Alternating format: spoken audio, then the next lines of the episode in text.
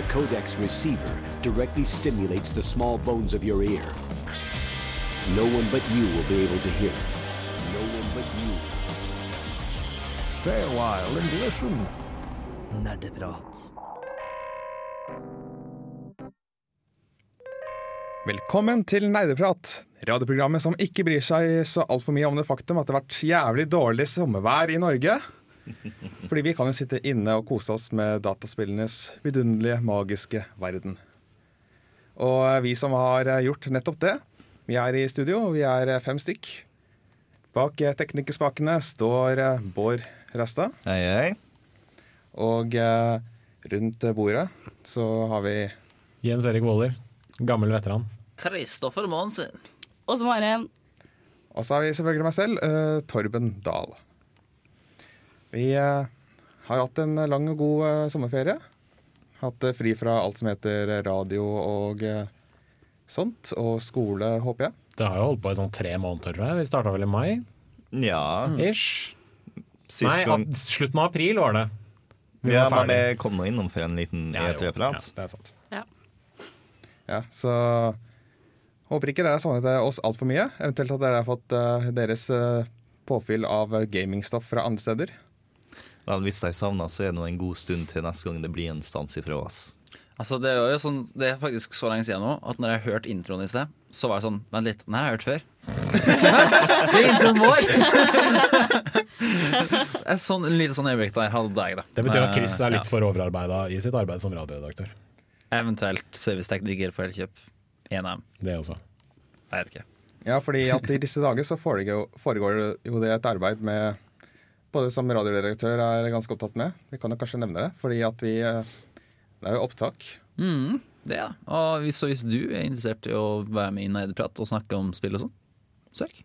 Samfunnet.no slash opptak. Innen når? Innen 23. august, tror jeg. Stemmer det. 23.59. Ikke denne søndagen, men søndagen etter det.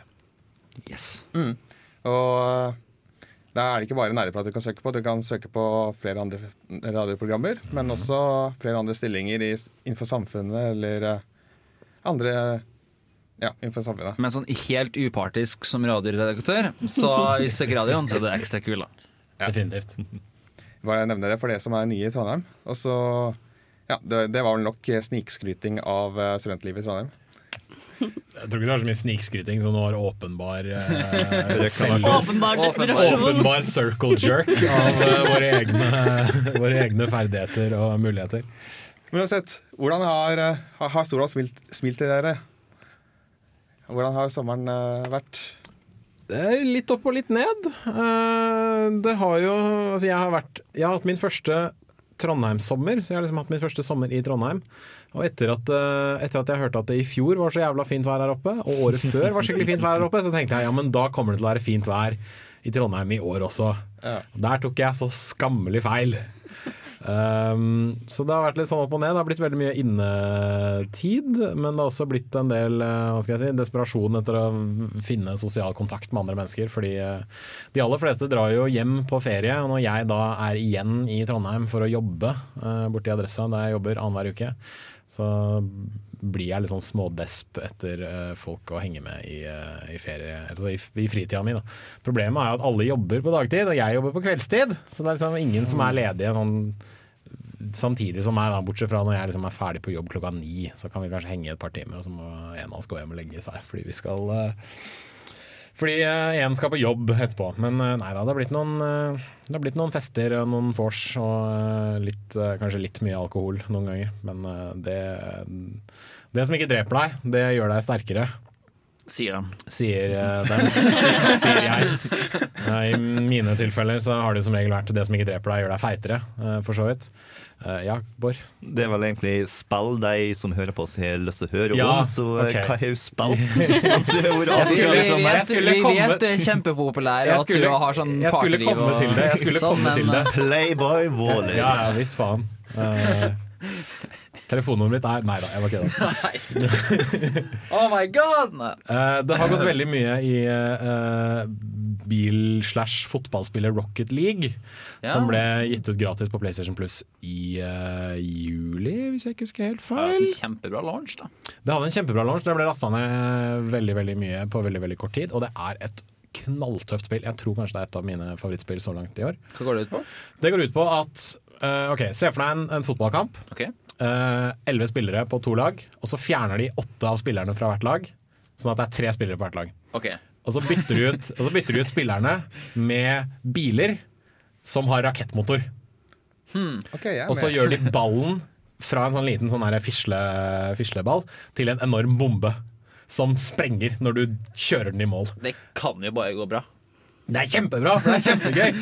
uh, og altså, På et sånn overordnet perspektiv så, så er det et av de få fotballspillene som gir deg den følelsen av å være en del av et lag, istedenfor at du kontrollerer et helt lag.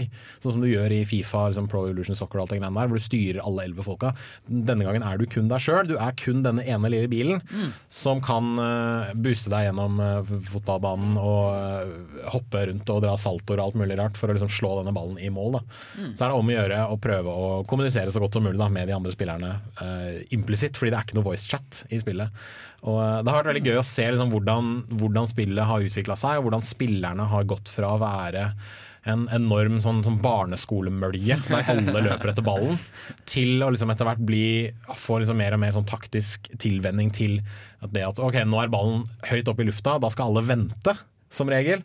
Og så da når ballen liksom nærmer seg sitt første sprett i bakken, da er det kanskje et par stykker som begynner å kjøre på. Så enten da flyr de over ballen fordi de hopper for høyt, eller under ballen fordi de hopper for lavt. Og så er det da de andre som henger enda mer tilbake, som venter til liksom ballen ligger på bakken, og så bare booster av gårde og skal liksom slå dritten inn i mål. Men det er kult av en ekstra dimensjon i fotball også. Ja, med, Definitivt. Eh, det er et eh, utrolig velbalansert spill, syns jeg i hvert fall. De har hatt litt sånn serverproblemer i sommer, men stort sett har det gått greit. Og jeg, jeg, jeg syns det er kjempegøy. Jeg har ingenting til overs for fotballspill i det hele tatt. Jeg syns de aller fleste sportsspill er ganske kjedelige, for å være helt ærlig. Men Rocket League eh, kilte meg virkelig på riktig sted. Det gjorde det. Det, er liksom det, det tror jeg kanskje er det, det største og viktige. Jeg liksom avslutta en del sånne småspill som jeg, som jeg had, har måttet avslutte, men det er som Rocket League det har gått uh, mest i. Altså, alle andre spiller The Witcher og alle disse store åpne RPG-ene sine, men jeg, jeg, kjører, uh, jeg kjører bil og spiller fotball med bilen. En ekte mann. Visst faen. Har vi noen er, er, vi flere, er, det, er det bare Rocket League vi har spilt, eller har vi Chris har spilt The Game of Life. Ja, eller, eller altså livets harde skole. Nei da. jeg, har, jeg har jo nesten jobba i hele sommer. Det er nesten det eneste jeg har gjort. Og så har jeg jo en sånn kontina kontinuasjonseksamen, som det så fint heter, nå i august. Uh, men jeg har fått spilt litt. Uh, tidlig i sommer så spilte jeg um, Yoshi's Woolly World. Det, Ja, det der, det er plattformeren med Yoshi, som den kjente sidefiguren fra Mario. Der alt er laga i garn, basically. Så har de tatt og henta masse elementer fra tidligere Mario-spill og Yoshi-spill, som er ganske kult. Og det er ja, en rolig plattformer. Jeg har tatt anmeldt den også, så hvis du har lyst til å lese det, så kan du gå inn på dusken.no og søke opp det. Eh, Eller gå på Facebook-sida vår. Det var sånn Synes det var helt OK, men det er ikke det mest intense spillet. Det var liksom greit å spille i små mengder. Så egentlig så det passer det bedre på 3DS eller noe sånt, spør du meg. Men eh, Chris, Ja. hvis du hadde fått valget mellom å ha kjøpt uh, Yoshi's Woolly World eller bare kjøpt en veldig søt uh, Nei, Yoshi deg, da. som jeg har tatt med meg i studio her Oh, jeg glemte å spørre, spør, eh, spørre pressekontakten vår Inga-Britt eh, hos Bergsala om hun kunne sende med en sånn. Og når jeg fikk da den boksen, og jeg ikke fikk den, så bare Nei! Jeg kjøpte den boksen, jeg. Ja. det er den søteste amiboen som finnes. Og du De har er så en, nydelige. du har en rosa Yoshi-garnfigur. Jeg er den grønne. Jeg har fått alle andre, alle andre med Amiiboene, de småfigurene til Nintendo, de er laga av sånn plastikk. Ja. Mens den der faktisk ser ut som den er strikka ganske Den bra. det, den er gjennomført. Den er, den er sånn, du klemmer på den, og du kan klemme på den. Den gir etter, liksom. Det eneste som er hardt i de figurene, er liksom den lille NFC-chipen som ligger liksom i rumpa hans. Men det er altså under, da, for å si det sånn. Så det vil si at Yoshi er en hardass? Han er definitivt en hardass. Drum. Nei, ellers har jeg ikke fått spilt så mye. For at uh, altså Jeg har ikke PC lenger. Jeg har ikke uh, spilt konsoll. Eller midlertidig. Ja. For at uh, engang? vannkjølinga mi begynte å lekke. så da var jeg fiksa den. Uh, det krever litt penger, men snart. PC Master Race PC Master Race! PC-en din ikke lekk. Det bra, det er bra dere har lært av meg. Jeg skal innrømme jeg har litt samme historie, bortsett fra jeg det vil si, ikke gjort så mye i sommerferien av sp- spillrelatert. Ikke fordi at jeg har jobbet eller gjort noe ting fornuftig. Aller mest bare fordi at jeg har hengt med venner, programmert litt. Og jeg hadde vært sosial. Ja. Fuck Wow. dere, da! Kanskje jeg dere har det så Det, gøy det, har, det har jo jeg òg, da. Så. Jeg har, til og med vært, jeg har til og med vært på ferie. Å ja, så fint Jens Erik. Kos deg på ferie også, eller? Ja. Syns det var gøy? Ja, Så bra. Billig i Latvia. Skremmende billig. Men ja, det var, eh, det var litt deilig å ta litt ferie fra spill også. Men jeg har jo også Jeg spilte litt før jeg tok ferie. Annet eh, Splatoon, som han anmeldte, og eh, Harvest Moon Lost Valley. Som du også kan finne på dusken.no. Og hvordan var det spillet, egentlig? Var eh, litt uh, engasjert meg ikke noe særlig. Mm. I motsetning til tidligere Harvest Moon, som ble utvikla av noen andre. Ja. Yeah. Så det, har, det, er, det er unnskyldning der. Mm. Nei, jeg har utvikla en liten tradisjon når jeg kommer til sommerferie, egentlig. Fordi at jeg har begynt å ta og spille gamle japanske rollespill i løpet av sommerferien. I fjor Ja, så uh, spilte jeg Earthbound, og denne sommeren her så har jeg spilt Kronotrigger. Ja! Jeg burde utvikle en tradisjon om å fullføre japanske RPG i løpet av Har du, sommeren. har du ikke fullført Chrono Trigger? Jeg har ikke det. Til informasjon så er Til informasjon så er Chrono Trigger en Eriks favoritt. Et av dem, i hvert fall. Eller, ja. Du snakker om det veldig ofte. Jeg gjør det. Det er et, det er et knallspill. Det er det, og Ja. det var det jeg oppdaga da jeg spilte, fordi at jeg visste at folk likte det veldig godt. Ja. Og eh, historien er veldig god, karakterene er utrolig sjarmerende. Oh, yes. Eh, gameplay er veldig fint, men det som imponerte meg faktisk aller mest med spillet, Mm. er at det har fantastisk pacing. Ja, Det er sånn, virkelig. Jeg føler aldri at de har vært for lenge Mm. på en plass, eller at de ikke fikk utforska nok. Mm. Det tar sånn to timer, så får du til en helt ny plass og møter nye karakterer og nye spennende ting. Mm. Det er et spill som har vært vanskelig å legge fra seg, men jeg klarte å legge fra meg allikevel, dessverre. Boo! Sist Ja, men det, ja, det, det må virkelig fullføres. det, fordi, det skal fullføres også. Eh, Fordi Hvis det ikke så kommer Jens Erik til å ringe Hvis ikke så sånn blir det hver kveld. Hver kveld og bare Ja. Ikke, hvis ikke blir det fik og deng. Nei, men jeg tror eh, det, det du nevner med, med tempo i spillet, altså pacing, det, det er definitivt en av jeg tror det at kampsystemet er litt sånn utypisk tradisjonelle japanske rollespill, hjelper veldig på det. da Det at du kan bli ferdig med en slåsskamp mot liksom ordinære fiender veldig fort. Yeah. Mens bosskampene føles litt viktigere fordi de varer mye lenger, Mm. har jeg oppdaga. Og det som også er veldig fint, er at grinding er optional. Ja. Fordi at eh, jeg kjemper mot de som er i veien min, Mm. og har aldri problemer når jeg møter på bosset. Og Definitivt. eh, dersom jeg har lyst til å ta og spille hun Luca som jeg ikke har spilt på i fem timer, Ja. så er hun nesten like sterk som alle andre Yes. allikevel. Fordi at hun følger etter. Og det er så mange japanske rollespill Mm. som ikke gjør, og da ender jeg opp med å aldri spille med en figur. Fordi at Vel, den figuren er level 7, og alle andre er level 23, så ja, ja. Ja, ja. Mm. Så det er, det er en varm anbefaling eh, fra Absolutt. Hvis, eh, jeg har spilt eh, DS-versjon, og hvis du klarer å få hendene dine på den Det er ikke enklest i verden, men hvis du får hendene dine på den, anbefales varmt. Til slutt, da har du noe som du Ja, vet du hva? Jeg fant ut i går at jeg har spilt over 100 timer med Sims 4 i sommer. For nå har jeg kommet til et stadium der jeg ikke klarer å spille Sims 3 lenger. Dette er noe jeg har vært gjennom med alle Sims-spillene, der jeg har spilt det nyeste litt, og så blir det sånn Går tilbake til det gamle, og selv om det har mye mer features, så blir det litt sånn Og jeg liker ikke animasjonene, jeg liker ikke grafikken og alt sånn, så jeg drev og modda Sims 4 jævlig mye. Jeg har lagt inn tre gigabyte med mods til Sims 4. Um, og generelt har uh, klaga veldig mye over at det koster mye penger for expansions, for de har ikke cracka den nyeste versjonen av spillet, så da er jeg nødt til å kjøpe det. Ja, for hvis, du ikke får til, ikke får til å rett og slett bare ødelegge koden eller gå rundt den, så må du kjøpe det istedenfor at du bare kan installere det. Ja, Ja, altså, jeg vet, bare, jeg vet bare at det ikke har kommet inn. For det som var veldig viktig i den nyeste updaten, altså 1.9, var at det kom eh, et nytt nabolag som er helt tomt. Så du får ikke dårlig samvittighet over bare mene alle bygningene. Og det var veldig viktig for meg, for jeg hadde liksom så mange bygg som jeg hadde lyst til å bygge.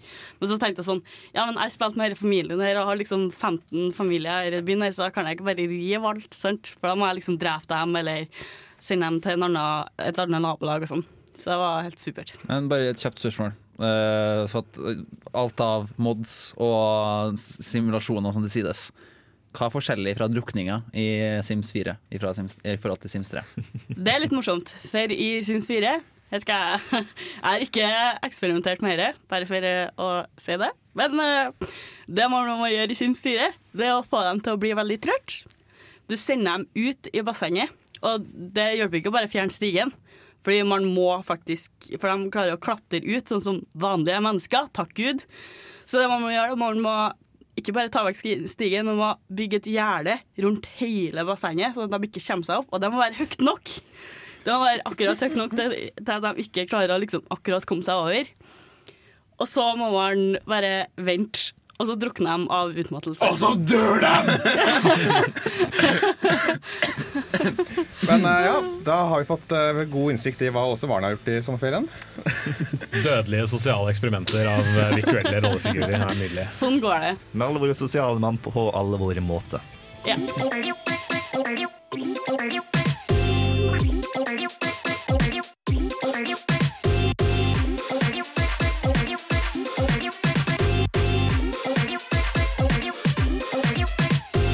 Nerdenytt. I denne uka med Nerdenytt, eller måneden, eller årstiden, eller hva nå vil kalle det, så kan vi ta og fortsette på Konami-sagaen, hvor eh, en gang en stor kjempe nå faller hardt, hardt, hardt. Eh, sist gang vi snakka om det, var om hvordan eh, Konami og Kojima ikke var venner lenger. Hvordan de tok og fjerna navnet på Kojima fra boksen til Metal Gear Solid 5. De putta det tilbake, og nå har de fjernet det eh, nok en gang.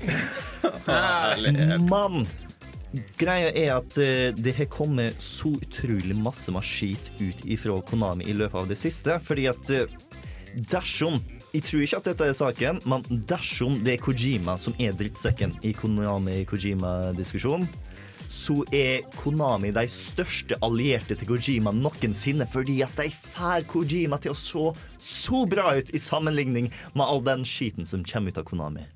Men faktisk så har det faktisk blitt avslørt i Nå sa faktisk to ganger.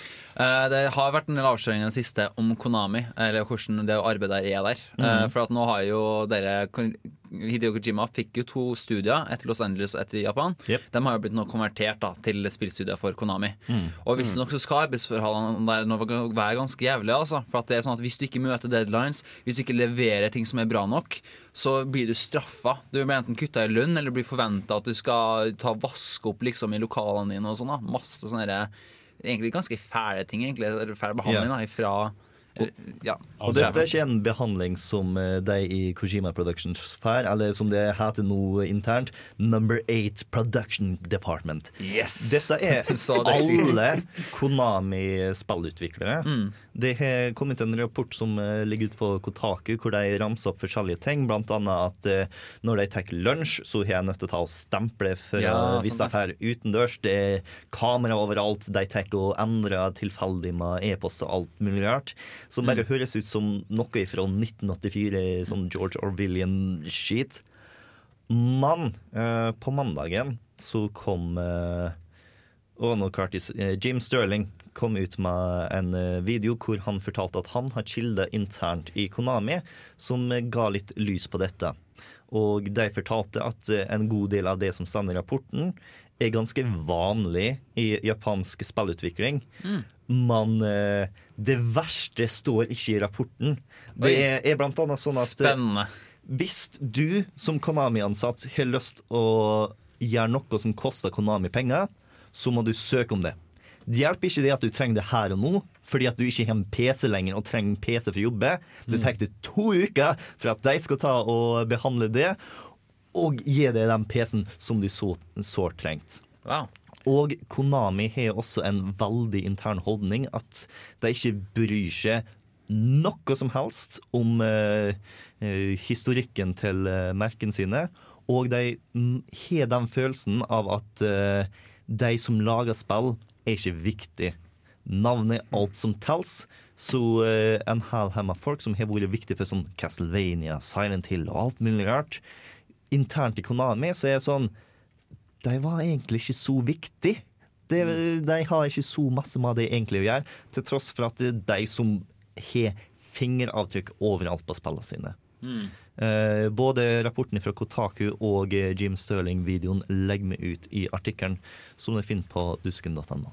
En ting som er ganske sikkert, er at du skaper ikke noe bra arbeidsmiljø med det der. Altså. Eh, Selv om det skal være vanlig eller ikke, så sorry. Men eh, når du setter opp videokamera, ikke for å overvåke eh, eiendeler og passe på at ingen, ingen bryter seg inn, men du installerer dem fordi du vil overvåke de ansatte som jobber der, Mm. da ja, gjør du noe galt. De fikk jo ikke internettilgang engang. Nei, de jobber internt på nettverket der. Altså, Det er helt sykt. Altså, tenk på alle de stakkarene som jobber på det nyeste Metal Gear Solid-spillet, og må liksom modellere alle disse våpnene. Og så kan de ikke bare liksom gjøre et Google-søk for å se hvordan en AK-47 ser ut, f.eks. De må lete seg inn i sånn jævla papirarkiv og sånn.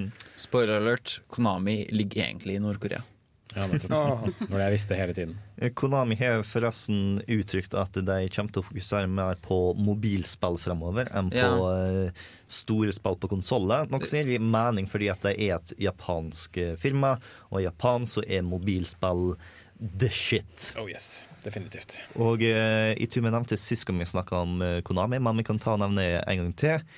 I Japan så er Konami masse mer enn utvikler. De er kanskje mest kjent der for å drive en hel treningsstudio.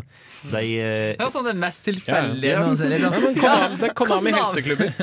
Og de tar og lager en hel haug med gamblingmaskiner.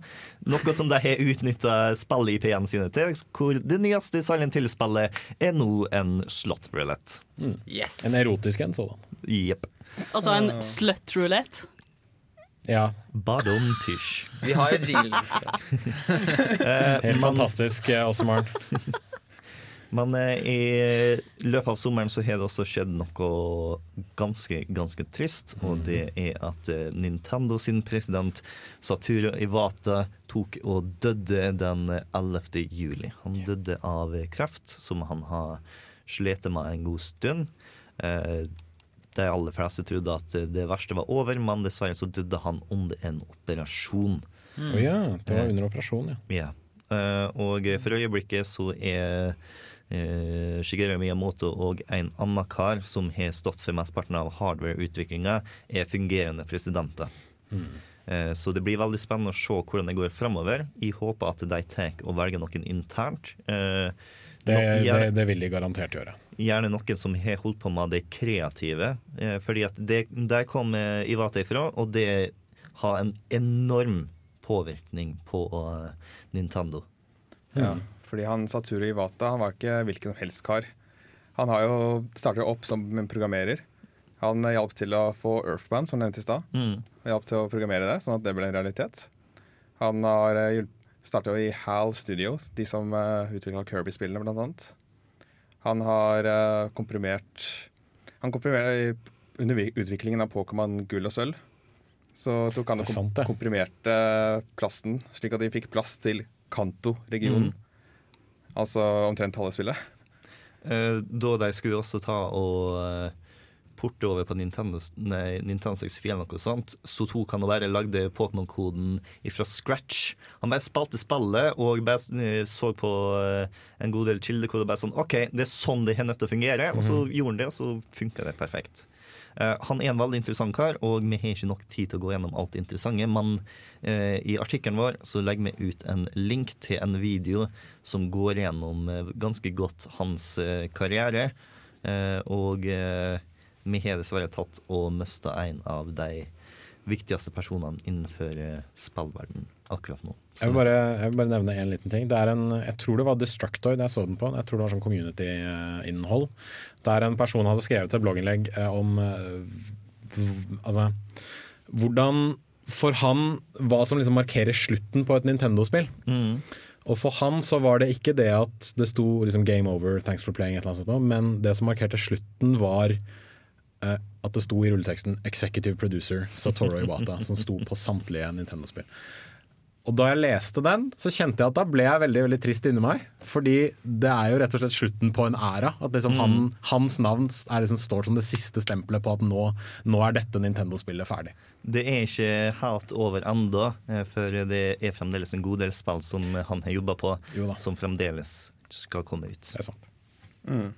Men med den eh, triste nyheten så får vi nesten, får nesten gå videre. Vi har eh, også en Facebook-post hvor jeg har eh, paid tribute til uh, yeah, yeah. denne unike presidenten. Men uh, nå skal vi uh, høre litt eh, fra Jens Erik, som har vært på Gamescom. Det har jeg. Og, eh, men vent, hva i all verden er Gamescom? Ich bin im der uh, Gamescom im der kolon Kolonn. Uh, ja, nei, det, jeg kan ikke tysk. Ikke i det hele tatt. Nei! Nei. Hæ. Nei da. Uh, Gamescom er uh, verdens største spillmesse, i hvert fall Europas største spillmesse, i rent sånn besøkelsestall. Uh, strengt tatt større enn E3, fordi Gamescom er åpent for eh, offentligheten. Altså, E3 er jo litt sånn under tvil åpen for offentligheten, det også, hvis du kjenner eh, hvem du kan Altså hvis du kjenner til noen som kan få deg inn på et eller annet vis. Men Gamescom er en messe der eh, vanlige røkla mennesker kan bestille billetter, stå i fire timers lange køer for å prøve å spille det de tror kan bli favorittspillet sitt. Og eh, ja, henge med andre spillinteresserte og se folk cosplaye og kanskje få vinne noen konkurranser om en konsoll eller få T-skjorter fra 2K som de står og kaster ut fra scenen sin på showfloor og alt mulig sånne ting. Uh, Gamescom har både en, eh, en, eh, en sånn pressedel og en uh, sånn publikumsdel. Da. Så det er liksom stort sett pressedelen jeg har eh, dratt på som spilljournalist for, eh, for gamer, og da også GDC Europa, som er en, eh, en spillutviklerfokusert messe som skjer liksom før, eh, før Gamescom sparker i gang. Da. Og eh, som seg hør og bør, så annonseres det en del uh, stilige ting. Det vises fram en del spill som kanskje ikke har blitt vist fram på E3. Det vises også fram en del spill som har blitt vist fram på E3, fordi Gamescom er liksom for, uh, for den delen av spillpressen som ikke får dratt på E3. Rett og slett. Altså store deler av Europa. Med mindre de liksom jobber for Gamespot eller IGN eller Gamer eller Pressfire eller whatever. Så det har blitt annonsert en god del. Det kommer en ny utvidelse til, eh, til World of Warcraft. Det visste vi litt om fra før av. Eh, Det ble vist fram eh, Mafia 3, som fikk en ganske stilig 30 sekunders eh, trailer. Som, eh, og nå går Mafia 3-serien bort fra disse italienerne i eh, liksom mafioso-området, og fokuserer på en eh, afroamerikansk fyr fra New Orleans da, som uh, har blitt forrådt av sine egne ut fra trailerne å dømme, og må nå bygge opp eh, et sånt mafia-imperium. Det ser ganske stilig ut. Skal vi se hva andre ting Jeg har liksom en hel mappe jeg, i e-postadressen eh, e-postadressen min med ting som eh, skjedde under der. Um, Sims 4. Sims 4, det kan du fortelle om hvis du vil det. Det kommer altså til ingen overraskelse eh, enda en ny utvidelsespakke til Sims 4. Dette er da den sjette siden spillet kom ut, i, sent i fjor. Det er jo ingen overraska over. Nei, selvfølgelig ikke. Eh, Microsoft viste fram en god del kule ting på en eh, pressekonferanse på tirsdag. Eh, vi fikk bl.a. se litt mer fra Quantum Break, et spill som blander en live action TV-serie og et dataspill. Um, jeg er veldig spent på hvordan det kommer til å fungere, men de har i hvert fall hanka inn noen veldig gode skuespillere, blant annet Sean Ashmore, kjent fra X-Men-filmene. Han som spiller eh, Peter Baelish i eh, Game of Thrones, hvis skuespiller jeg ikke husker akkurat nå, eller uh, Carkerry for de som har sett The Wire. Um, og uh, Lance Reddick, som eh, ofte spiller en sånn scumbag-skurk i veldig mange serier. Han spilte i Lost, eh, blant annet, og eh, litt sånn eh, forskjellige ting. Vi fikk se mer av Fikk se mer av det nye Tomb Raider, vi fikk eh, se litt mer Forza-greier. Eh, skal vi se, hva mer var det vi fikk se på Microsoft-konferansen? Eh, godeste Koji Igarashi var der og viste fram en ny figur til Bloodstain, dette fantastiske kickstarter-spillet han holder på å utvikle. Det var egentlig alt det han gjorde. Han kom opp på scenen, sa 'her er en ny figur til spillet vårt', peace out! Og så gikk han. Eh, de viste fram eh, Crackdown 3, de viste fram Scalebound, de viste fram Killer Instinct sesong 3, der eh, en av Battletoads-figurene dukker opp. Så de som venter på en, en HD-utgave av Battletoads, kan kanskje kjøpe Killer Instinct sesong 3, eller laste ned Killer Instinct sesong 3 fordi det er gratis. Um, det ble, ja, det ble snakket om bak bakoverkompatibilitet og indiespill og alt mulig sånne ting. Halo Wars 2 ble annonsert. Jeg for min del er ikke jeg sånn kjempebegeistra for akkurat det, men publikummet på Gamescom eksploderte i hvert fall. Uh, I Abor. Det var siste spill som kom fra Ensemble Studio som lagde Age of Empire-serien. Ja, det kan stemme. Og denne gangen så er det de som står bak Total War-serien som skal utvikle det. Stemmer det. Uh, Så, men, så de lager kun strategispill, basically. men nå er det Creative Assembly Som, ja, nettopp. Mm. Uh, skal vi se hva mer skjedde. Paradox Interactive annonserte en del ting. De viste fram eh, den første utvidelsen til Pillars of Eternity. Dette kickstarta rollespillet sitt. Det ser veldig kult ut. Tar litt inspirasjon fra, fra Norge og uh, Icewind Dale-spillene. Foregår i litt sånn nordområdene da, til dette Air Glanfath-området. Jeg ser at også Maren gliser fra øre til øre Jeg gleder meg her sånn. vi Jeg gleder meg. Jeg elsker Icewind Dale, sa vi. Herregud, jeg gleder meg. Ja, men da, da kan kanskje Pillars of Eternity, The White March, være for deg.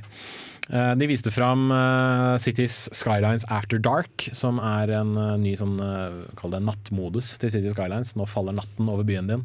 Det, Det gjorde, den ikke, det gjorde den ikke før. Det høres litt ut som det inkluderer et Red Light District i den oppdateringa. Ja, jeg tror du kan lage deg et Red Light District. Eh, Du kan i hvert fall lage deg en sånn Las Vegas sånn strip mm. hvis du vil. Og liksom de åpner for mer, mer, mer liksom, eh, funksjonalitet i byen din og liksom mer, eh, mer tilpasning og alt mulig sånne ting. Ja, Chris, du har et spørsmål. Nei, bare fortsett. Jeg kjenner kommer etter hvert. Eh, De viste også fram eh, Stellaris, som er eh, et, en slags kombinasjon av Civilization 5 og Crusader Kings 2 i verdensrommet.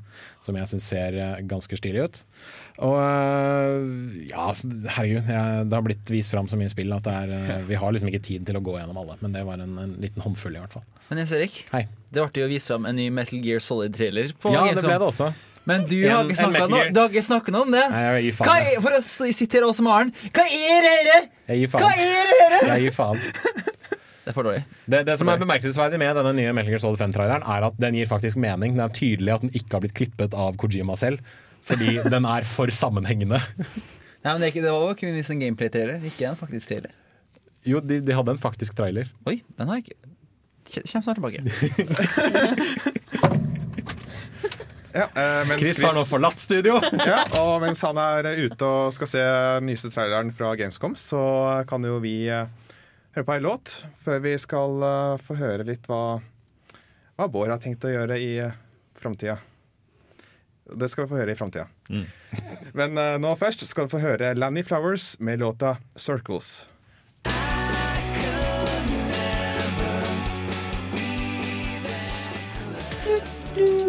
Nerdeprat på Radio Revolt.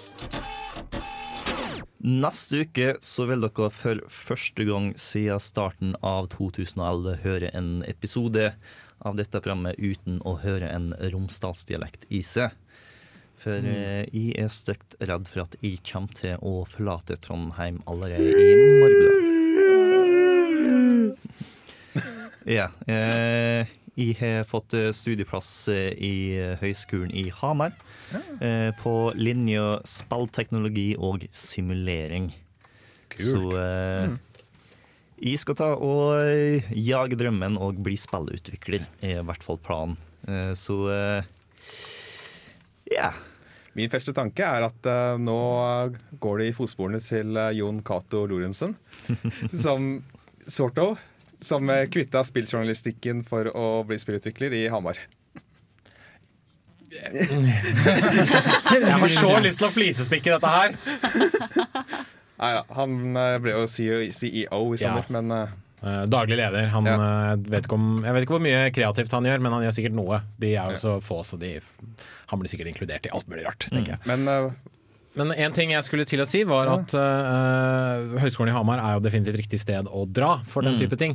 For eh, gutta i Krillbite som lagde the Sleep, eh, kom derfra. Uh, de som nå jobber med Jeg tror de som nå jobber med spillet Earthlock Festival of Magic, kom derfra. Du har et helt sånn Hamar Game Collective. De der Sarepta uh, Shadow Puppeteer-folka kommer derfra, hvis jeg ikke husker helt feil. Så det er eh, det er, liksom der, det er det som har nå blitt kjernen av norsk eh, spillutvikling. Før var Ja. det Oslo, og nå, nå begynner det å bli Hamar i større og større grad. Det er nettopp derfor jeg drar spesifikt til Hamar.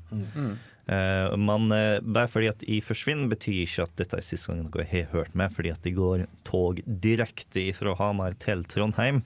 Og det er noe jeg har planer om å ta og utnytte, så jeg kan love at med mindre helsa mi blir utsatt for et eller annet jeg ikke vet om enda, så eh, kommer noe til å høre med. Forhåpentligvis sånn en gang i semesteret eller mer. Og er det én ting i hvert fall jeg og Bård vet, så er det at det er veldig vanskelig å gi slipp på den der radiorollen. Når man, eh, når man egentlig vet at man må ut, så klarer man liksom ikke la være. Og det går alltid et hype train rett til Trondheim. Definitivt. Eh, men dette er faktisk min 141. episode på rad. På rad. Eh, på rad. Og da inkluderer jeg ikke et par eh, hermetegn-episoder, sånn som episode null eller eh, sommer- og eh, nyttårskalvakade og sånn som det er. Fordi eh, dersom noen andre har gjort de episodene, så har ikke jeg talt dem uansett, fordi at det var kun én person som lagde det. Så eh, jeg har vel vært nærmere 150 episoder som jeg har produsert. Det er veldig, veldig stødig. Mm. Det er ikke, jeg tror ikke det er veldig mange andre i Radio Revolt som kan skryte av det samme innad i sine programmer. Ja, nei, for uh, jeg har en sånn merkelig tankegang at eh, hvis jeg er satt opp til å gjøre noe, så gjør jeg det. For uh, i he, hver eneste onsdag så har jeg ikke tenkt skal jeg ta og droppe dette denne onsdagen her og gjøre noe annet i stedet. Det- Av samme grunn, med på videregående så uh, var det en lærer som fortalte oss at det var noen i klassen som har ikke en eneste time med fravær, og jeg har ingen anelse hvem det var før det ble utropt at det var i, fordi at tanken om å ta skulker slår meg såpass sjeldent at plutselig så snur jeg meg, og så har jeg bare 141 episoder bak meg. Det har faktisk vært flere ganger hvor eh, jeg har tenkt det har vært lettere for meg og ikke gjort det denne uka her. Ja. Men så har jeg 100 episoder bak meg, og den komboen der kan du ikke bare gi opp! Combo breaker. Men det å pendle fra Hamar til Trondheim hver eneste onsdag, det Det blir litt mye. ja, så masse er ikke den komboen verdt. Så eh, det blir nok stilt ifra meg på en liten stund. Eh, men jeg tenker, og hvis du hører på podkast eh, når, dette, eh, når episoden er over, så skal du få høre et par av eh, mine favorittting som jeg har laga. Fordi at eh, jeg synes at sånt er morsomt. Men jeg er nå veldig glad for at uh, vi har skikkelige folk eh, bak uh, spakene, så jeg gleder meg litt. Skikkelig og skikkelig, men uh, du vet Jeg vet ikke hvor mye vi kan si om Chris, men eh, også, også Maren og Torben oh, ja, de, de er ganske ålreite. Altså, det skal bli faktisk litt spennende å være en lytter for første gang på eh, fire og et halvt år. Oi, spennende. Du Du blir nok liksom- en korrekturperson i tillegg. Å, ja, ja. Altså, Selv om du ikke kan høre stemmen min, så tror jeg nok at uh, du kan ta og se et par fingeravtrykk i hørselen din. Jeg vet ikke hvordan du kan høre fingeravtrykk, men det er der! Jeg det! jeg går inn på Facebook, og så fjerner jeg vårs admin-rettigheter fra Nerdeprat Facebook-sida vår. Um, jeg forandrer passordet til Nerdeprat-twitteren, sånn at Bård ikke får tilgang til den. Uh, og alt det greiene der. Det, det, nei da, herregud. Dere må nok også ta og endre telefonnummer og Facebook-profiler og alt mulig for å unnslippe mer. Ja, det er sant. Det er sant. Men du har faktisk gått litt sånn motsatt vei av meg. For jeg begynte å høre på Kontroll til Elite da jeg ble tatt opp i radioen, for jeg ble tatt opp i et annet program. Og så etter hvert ble jeg liksom tatt, tatt inn i varmen. Og nå, du ble jo tatt opp direkte, og så nå er det bare Nå skal du kun høre på. Yeah. Det, det er litt spennende å tenke på. Men eh, herregud, du har jo stått på som en eh, helt både foran og bak eh, mikrofonen. Takk. Og du har eh, du har sittet her på Lukas og klippet saker eh, både rett opp til sending har startet og langt etter at sending har startet også, fordi du skal ha noe ferdig. Eh, Du har sittet her når du strengt tatt ikke burde fordi du har vært sjuk eller du er sliten for et eller annet. Eller sånt. Det har vært flere sendinger hvor jeg har selv vært programleder, så har jeg liksom sett Bård bare stå i et hjørne for seg selv og liksom innimellom komme med en eller annen setning, og jeg ser at ok, nå, nå er Bård sliten, men han bare han knuser gjennom. Han fortsetter. Han, han står på som en helt, rett og slett. Det var en gang jeg var i studio med 39 feber. Ja, det stemmer. Ja, det, det vil jeg ikke anbefale. Som en som har vært sjuk på to spillmesser to år på rad, eh, så er ikke det å anbefale i det hele tatt å liksom jobbe når man er eh, sjuk. Men eh, du vil definitivt bli savna. Du er garantert den som jeg personlig i hvert fall syns har laget de mest kreative spilleanmeldelsene jeg noen gang har hørt. Eh, langt mer så enn hva jeg har klart å få til i min tid i Radio Revolt. Uh, jeg beundrer deg virkelig for det. Uh, nå skal jeg slutte å snakke før jeg å, bli, før jeg begynner å grine, og før du begynner å grine. Ja, jeg har en liten artig historie. Og det var jo at her om dagen, når Bård kom tilbake fra byen, fra gud vet hvor, så hadde jeg nettopp sett sesongavslutninga av en TV-serie som er The Hundred. Og jeg var veldig emosjonell. Jeg satt og skrek i sånn fem-seks minutter. Så jeg hadde akkurat klart å samle meg. Så kommer Bård og kakker på døra. og Jeg bare åpner opp døra. og bare Seriøst? og så ville jeg bare altså, klemme henne og skrike og bare ja, men det, det var sånn Jeg, jeg ble liksom For jeg, nå er jeg forberedt på, på at du bare kom til å fære, på en måte. Altså, Jeg begynte å lure på hva slags effekt jeg har på mennesker når hun Nei, men eh, Hvis dere har lyst å høre litt mer historie av hva jeg har gjort, og sånn generelt eh, hvordan oppbygginga har vært, så vil jeg anbefale dere å sjekke ut Kontroll Alt Elite-krønikerne. For eh, dersom dette er første Nerdeprat-episoden din eh, Nerdeprat het før Kontroll Alt Elite, og vi bytta navn eh, nå før eh, i, i starten av 2015. Og eh, det var jeg som eh, tok og ga navnet Nerdeprat, så jeg er litt stolt over at jeg fikk eh, satt den eh, siste punktumet der. For eh, i løpet av min tid i studentmediene så har jeg bygd veldig mange sandslott. Det ser veldig fint ut med en gang man med en gang jeg går bort ifra det, så detter det litt sammen. Ja. Men jeg tror at eh, nerdeprat er en klippe som eh, kommer til å bestå lenger enn jeg har vært med sjøl. Ikke bare 2K15, ikke bare 2K16, men helt 2K.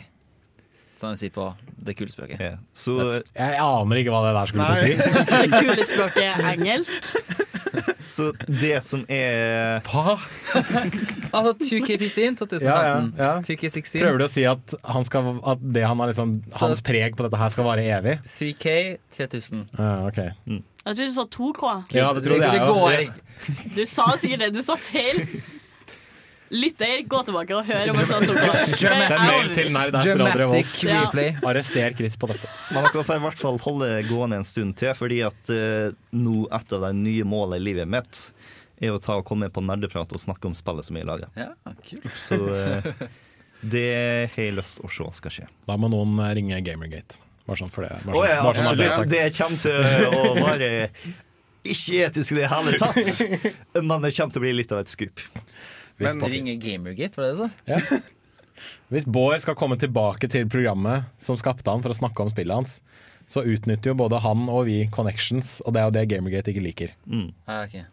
Jeg trodde Connections skjønt, var alt som betød noe i journalistikk. Ja, definitivt. Det er alt Hvem du kjenner og hvem du har tilknytning til, er definitivt alt som betyr noe i journalistikk, men det driter Gamergate i. Var ikke Gamergate liksom om sånn Kan vi ikke snakke om Gamergate? Vær så snill, kan vi ikke snakke om er Gamergate? Jeg, Jeg, jeg skjønner det ikke uansett, jeg. Tusen takk, Åsa Maren. Vi tenkte den. eh. La oss eh, heller høre på litt eh, musikk. Her er en remix jeg har funnet på mine perler på internett. Her får du Blind med 'Watching Ink Dry', remix av Splatoon-låt.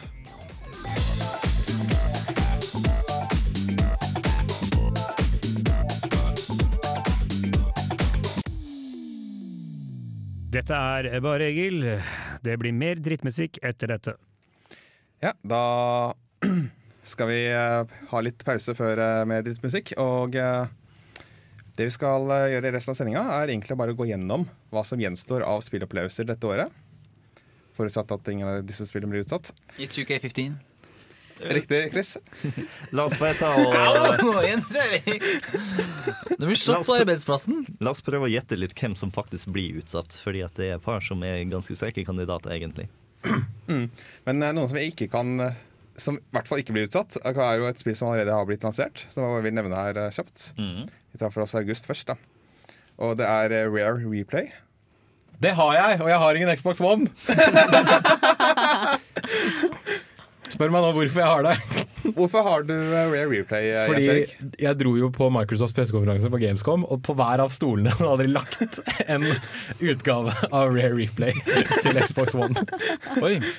Som alle fikk. Så, ja. Hva, synes du om eh, pakken, eh, pakningen? eh? Eh, det, det er en veldig god innpakning. Ja. Det er det, og Den har liksom alle rare-figurene på, da, med ja, liksom Banjo Kazooie og alle, alle jeg husker og alle jeg ikke husker.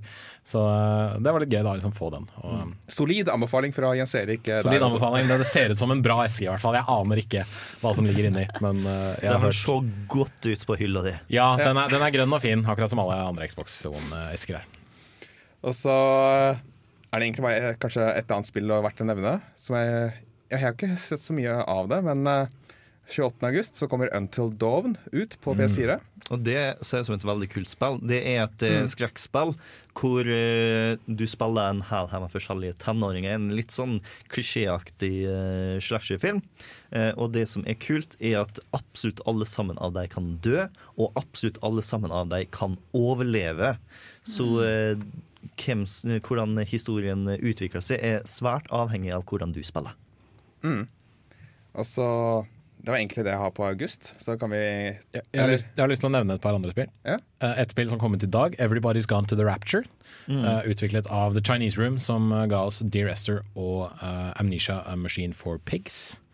Um, og et spill jeg personlig ser litt fram til, nemlig Volume, fra mannen bak uh, Thomas Was Alone. Som er noe helt annerledes enn Thomas Was Alone. Det er et, uh, rett og slett et snikespill, en moderne Robin Hood. Der du har en sånn gjenstand som heter liksom, en volumizer, eller noe sånt, som gjør at du kan eh, høre hvor liksom, vaktene kommer fra. Så det er et snikespill, du må snike deg rundt ut fra lyd og ting du hører. Det syns jeg blir eh, Det kan bli kult. Og Yep.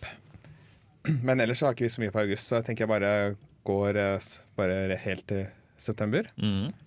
Fordi da, 1. september, kommer det ut et spill som jeg tror Chris liker. Snake! OK, jeg, jeg, du kan skru opp mikrofonen. Ja. Jeg lover. Skal ikke skal ikke. Men jo, Metal Gear Solid 5. The Phantom Pain. Det har tatt så fuckings lang tid og har blitt teasa siden når? To år siden? Tre år siden? Altfor lenge. Herregud. Sånn, beklager hvis jeg forsvinner, men jeg kommer mest sannsynlig til å forsvinne i sånn tre uker. Og så kommer jeg kanskje tilbake med anmeldelse om å overleve. Altså, Jeg har ikke en plass å bo i Hamar ennå, og en av mine aller største bekymringer er at jeg ikke har funnet meg en plass innen 1. september, for da får jeg ikke spille på launch! Og gå til sånn butikkutstillingsvindu og begynne å spille. Ja, ja. Ser for meg Bård eh, stå som en sånn eh, liten gutt i liksom Victoria-tiden, kledd i filler utenfor en butikk og liksom bare Ser skikkelig trist ut inn i liksom butikkvinduet på spillet han har lyst på. Så jeg vet ikke helt hvem jeg skal se som utvikler på Metal Gear Solid 5. Jeg har skrevet her ikke Kodima Core Productions. Jeg likte faktisk eh, noe som, en video som noen, laga på Gamescom. De skrev eh, på et A4-ark uh, Hideo Kojima Game, og så tok de det og teipa det fast på utstillinga deres. Ja, men til tross for hvor masse kontrovers det er rundt spill pga. økonomi, og sånt, det ser ut som et dritbra spill. For uh, jeg har spilt uh, prologen, uh, Grand, Grand Zeroes. Zeroes, Mm. sønner og sammen, til tross for at uh, spillet er såpass kort. Fordi at spillmotoren er bunnsolid. Pun not intended. Men altså Det som, det som, det som jeg syns er mest på, egentlig, er at liksom i traileren så synes jeg lipsynkinga er litt rar. Men jeg tenker om kanskje det er pga. at kanskje de ikke har fiksa engelske animasjoner. Eller sånt. Jeg vet ikke. Jeg syns de bare ser litt rar ut. Det er bare meg. Men ellers så ser det dritbra ut. Ja. Vi har eh, sånn ca. fire, ja, fire spill eh, til som kommer ut i september. Først ut eh, etter det er Mad Max. Oh yes. Som kommer ut 4.9. Det har jeg spilt. Hvordan er det? Fordi det ser faktisk veldig interessant ut. Ja um, Ta Assassin's altså, OK, vet du hva? Ta uh, Shadow of Mordor. Mm. Utvid spillverden. Mhm. Ehm, bytte ut tårn du klatrer opp i med ballonger du flyr opp i for å liksom utvide For å ut, avsløre kartet du har. Og istedenfor at du kan løpe veldig fort fra sted til sted, så har du en bil du kjører, og den er liksom tung å styre sånn til å begynne med, fordi det er en skikkelig Det er en rustbøtte til å begynne med. Det må jo opp veldig interessante sammenlignings... Uh, eller Ja, ja. Men uh, Shadow of Mordor, det har ikke jeg spilt, så hvordan vil det Shadow of Mordor uh, er i bunn og grunn veldig likt Assassin's Creed. Okay. Bare satt i en uh, mer flytende åpen verden så, og et kampsystem som minner veldig om Batman-spillene. Så bare jævlig svær verden med masse sverd. Ja. Uh, liksom, ja. Uh, men Mad Max er en, ja, en stor, åpen, dystopisk verden fra et tredjepersonsperspektiv. Det har liksom det man, kaller, det man nå kaller liksom Batman-slåssinga. Hvor uh, liksom godt timede trykk på knappen er liksom det som, som skal, skal må til. Og slåssinga er eksepsjonelt brutal, men føles litt sånn Litt sånn sirupaktig innimellom, i hvert fall da jeg spilte det på, Det på høres litt ut som uh, Sleeping Dogs. Ja, Uh, det er liksom ikke Det er ikke så kjapt da du får liksom følelsen av at, all, i hvert fall at hovedpersonen er en, ganske, en svær fyr som er veldig sterk, men han har liksom ikke veldig mye smidighet eller hurtighet da, i det han gjør. Åsmaren, du har et spørsmål. Uh, spiller man som én karakter? Du spiller som Max, ja, hele tiden. Kun Max. Og det er tydelig at de har tatt litt sånn inspirasjon fra, fra den nyeste filmen, men mest bare sånn helhetlig inspirasjon fra alle filmene i filmserien. Plot twist. Mad Max viser seg i hvert fall at fire sluppet ut tidlig. Det tviler jeg på. Men, Nei, men Det eh, er veldig synd for Mad Max egentlig å komme ut samtidig som Fallout, egentlig. Fordi begge Fallout er tatt veldig sterk inspirasjoner fra Mad Max, så det er litt synd. Men samtidig så er det forskjellig sjanger, og Mad Max ser ut til å være veldig bilfokusert. og Mad Max kommer ut eh, et par måneder før uh, Det òg. Fallout. Så vi har et par måneder å spille, men vi har også andre spill som vi kan spille i samme tidsperiode. Mm. Nemlig, og denne gleder jeg meg til, Super Mario Maker. Ja, det har jeg spilt! Hva har du ikke Hold spilt? kjeft! Metal Gear Solid 5. Ja, det var det, da. Faen heller. Uansett, Super Mario Maker kommer ut til VU Wii U den 11. september. Litt uheldig dato der, men uh, utvikler av Nintendo. Og endelig så har Nintendo uh, latt oss, all, alle hvermannsen, Gud, og hvermannsen, utvikle Mario-brett. Så du kan uh, lage hva som helst brett eh, du ønsker, og du kan ha det i flere forskjellige stiler. Du har Super Mario Fire. Fire. Oi. Eh, Super Mario Bros, uh, Super Mario Bros 3, Super Mario World og New Super Mario Bros. Med da tilhørende fysikk og evner og alt mulig sånne ting. Mm. Uh, og det finnes f.eks. en hel haug med fiender som ikke eksisterte i det originale Super Mario Bros.-spillet. Som når du setter deg inn og går tilbake til den grafikken, får nå helt nye figurer derfra som ser akkurat ut som om de kom ifra spillet. Og eh, spillet følger for øvrig ikke de samme reglene som i et Mario-spill. Så for eksempel hvis du tenker håper på en eh, spørsmålstegnbrikke, så er det godt mulig at det kommer ut eh, et, eh, en fiende eller noe sånt i stedet for en mynt. Så det kreativiteten kan åpne for veldig masse spennende i Super Mario Maker. Ja. Jeg har til og med hørt at de har laga en ny 8-bit-låt for eh, sånn Spøkelseshus i 8-bit-serie. Det fikk jeg ikke med meg, men det kan hende at de har gjort.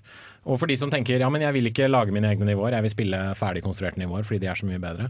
Eh, Det kommer med eh, ferdiglagde nivåer i spillet som du kan spille gjennom, og du får selvfølgelig tilgang til alt det folk har lasta opp. Eh, Og det som er en veldig veldig god funksjon i Super Mario Maker, er det at når du lager et brett, så må du bevise for spillet at du kan spille gjennom det, at det kan fullføres.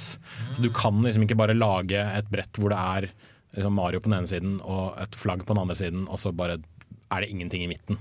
Liksom. Mm.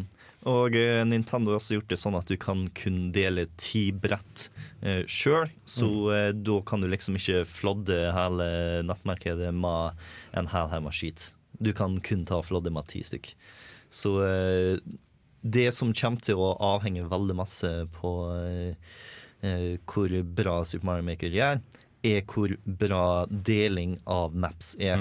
Dersom de beste mapsa klarer å komme seg på toppen, og det er veldig enkelt for folk å finne tak i Dersom du er lett, så finner du et letthet. Dersom du har lyst på et vanskelighet, så finner du et vanskelighet. Dersom du har lyst på et kreativt et, så finner du et kreativt et. Klarer de det, så gode gud, da eh, kommer dette til å være en Game of the Year-kandidat. Hvis ikke, så kan dette falle litt igjennom. Og jeg håper på at Nintendo har tatt og eh, funnet tak i noen andre enn de som har konsultert deg om generelle internetting ellers. Ja. Men uh, hvis vi skal gå, skal gå videre, så er det et spill som jeg er usikker på om noen her eh, bryr seg om, men er litt obligatorisk å nevne. 24.9 kommer nemlig, nemlig Fifa 16 ut. That sure is a game. Det er et spill. Med dama, med dama Ja, på Ja. Det er det er veldig, veldig bra. I to regioner. I, uh, ikke i, det, i USA og i Australia, eller noe sånt. Ja, Men det, det skjønner jeg, fordi ja, men altså, Det skjønner jeg jo, for damefotball er mye større der borte. Mm. Av en eller annen merkelig grunn så er europeisk fotball sett på som en langt mer feminin idrett enn amerikansk fotball i USA. Uh, selv om alle kvinnelige fotballspillere i USA, i hvert fall de beste av dem, er beintøffe, alle sammen. Uh, jeg har sett liksom bilder av uh, europeiske mannlige fotballspillere som liksom later som de har brukket beinet etter å ha fått en lite spark i leggen. Og så ser du da et sammenligningsbilde av uh, en av toppfotballspillerne i- innenfor kvinnefotball i USA som spiller med liksom blod rennende fra nesa og blåmerker. det, kan jo òg nevnes at det beste fotballspillerne i hele verden, sånn på sånn, ei sånn topp 20-liste, da, de fleste er kvinner Mm. fra USA. Definitivt. Og det som er stort, er ikke at det er kvinner på coveret, men at det er kvinner i spillet for første gang i Fifa sin historie. Eh, Så det blir veldig spennende for deg som interesserer seg i det. Et eh, siste spill som jeg tenkte å nevne. Det er jo flere spill som kommer ut i september, selvfølgelig. Men av de som jeg er, tar og nevner her, så har de Adrift. Releasedatoen på Adrift er også Adrift, liksom. Det er, Ja, flytende. Det, ja. Boom, boom. Og det er faktisk et eh, ganske spennende spill. Fordi at eh, det ser ganske likt ut som eh, Gravity, filmen av Sandra Bullock i verdensrommet som kom ut for et par år tilbake. Uh, og er laga Ja. av en kar vi har snakka om før, men som vi ikke da snakka om en spillutvikler. Fordi hvis vi tar og skrur eh, klokka tilbake til hva var sånn 2013 eller noe sånt, da X- da Xbox 1 og PlayStation 4 nettopp har blitt avslørt, og eh, Xbox 1 skulle ta og ha noe du kobler deg til nettet og eh, alt det der, og nettet er så utrolig viktig å koble seg til, så var det en kar som hele spillverden ble ganske sur på. Det var han karen som fikk spørsmålet Hei, du. Jeg har ikke muligheten til å bruke nettet. Hvorfor kan ikke dere bare ta og utvikle dette sånn som folk flest kan bruke det, og ikke bare de som tar og bor i San Francisco eller LA, og de som har eh, godt internett? Svaret hans da var 'deal with it'. Og det eksploderte i trynet hans. Og eh, han mista jobben, eller slutta, jeg husker ikke helt hva greia var, men han slutta i hvert fall hos Microsoft, eh, trakk seg tilbake eh, fra sosiale medier og alt mulig rart. Og så eh, nå så har han tatt og laga dette spillet som delvis er basert på hans opplevelser av og den enorme ensomheten han følte av å bli en eh, som det heter så fint på engelsk. Adam Orth heter han. Ja. Og spillet er det som eh, så fint kalles en first person explorer. Så eh, det er gone home in space. Eh, med en del puzzles og alt mulig rart. Og jeg tror faktisk astronauten spiller én dame, jeg er ikke sikker. Men du kommer i hvert fall til å høre en god del pusting og pesing, fordi at det å ha nok luft er en av de viktigste trekkene med spillet. Det, det spillet kommer da ut på Windows og PS, PlayStation 4 og Xbox One. Og det er egentlig en frase som du kan bruke for veldig mange av spillene i øst. Yeah. Det er Windows, PS4 og Xbox One. Så jeg får nesten jeg må skaffe meg en av enten PS4 eller Xbox One, for PC-en min klarer knapt knapt nok å kjøre YouTube-videoer. Så, så jeg, nesten så jeg vurderer Xbox One bare sånn at vi kan uh, ha litt variasjon i programmet. Men uh, PC Master Race. Ja. Vi er ikke ferdig med året riktig ennå. Vi skal ha jo fremdeles oktober, november og desember igjen. Men uh, her skal du føre ei låt som Jake Coffman har komponert. Det som kjenner meg, vet at jeg er veldig stor fan av Jake Coffman, så eh, ingen overraskelse der, altså. Dette er for et spill som heter Pulsar Arena, og låta heter Danny Bits Bang.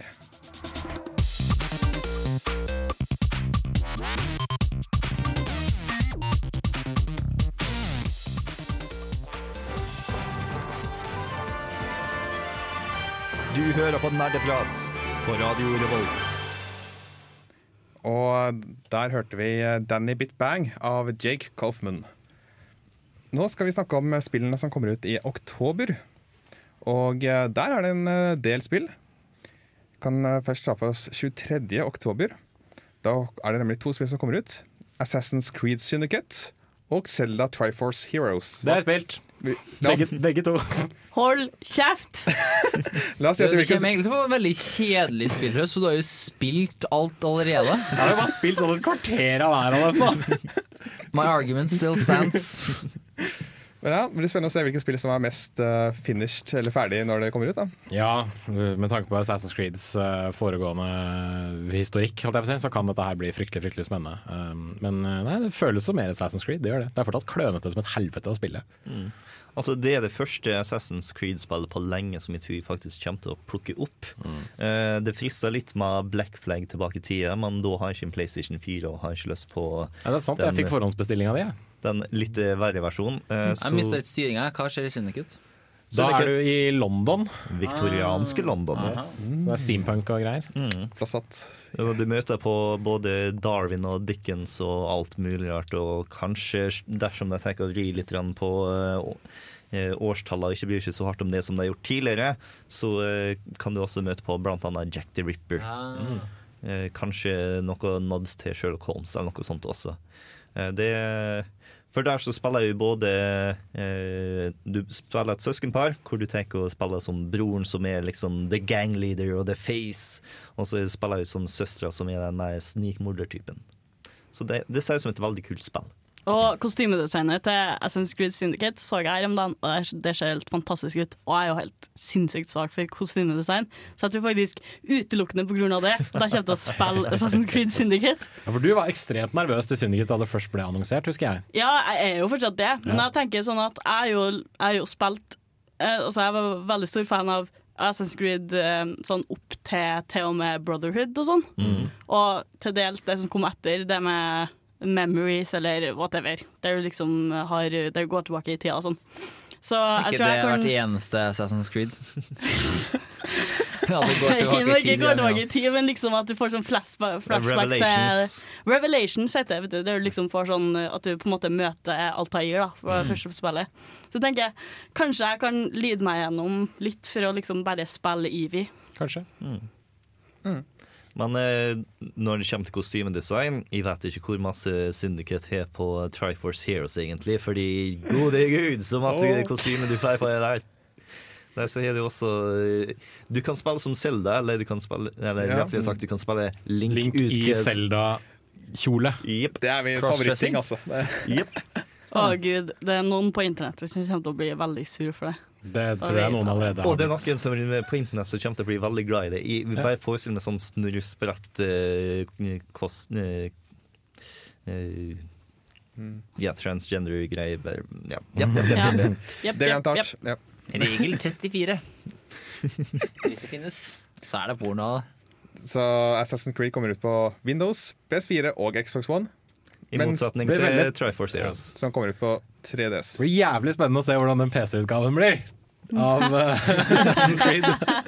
Det blir artig, ja. Det blir artig. Og så får vi se da om uh, rollefigurene mangler ansikt og sånne ting, sånn som de gjorde i, i uh, Unity. Og så får vi se om det blir helt ræva framerate. Jeg har jo brent meg veldig på det nyeste Arkham-spillet. Ja.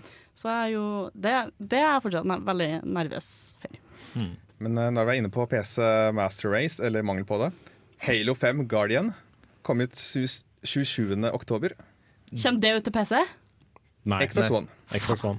Det er et spill som jeg plutselig gleder meg mange, mange, mange ganger til mer før for et par uker tilbake. Mm. Av den minst sannsynlige grunn i verden, og det er Er det fordi Nathan Fillion er tilbake? Nei, Oh, ja.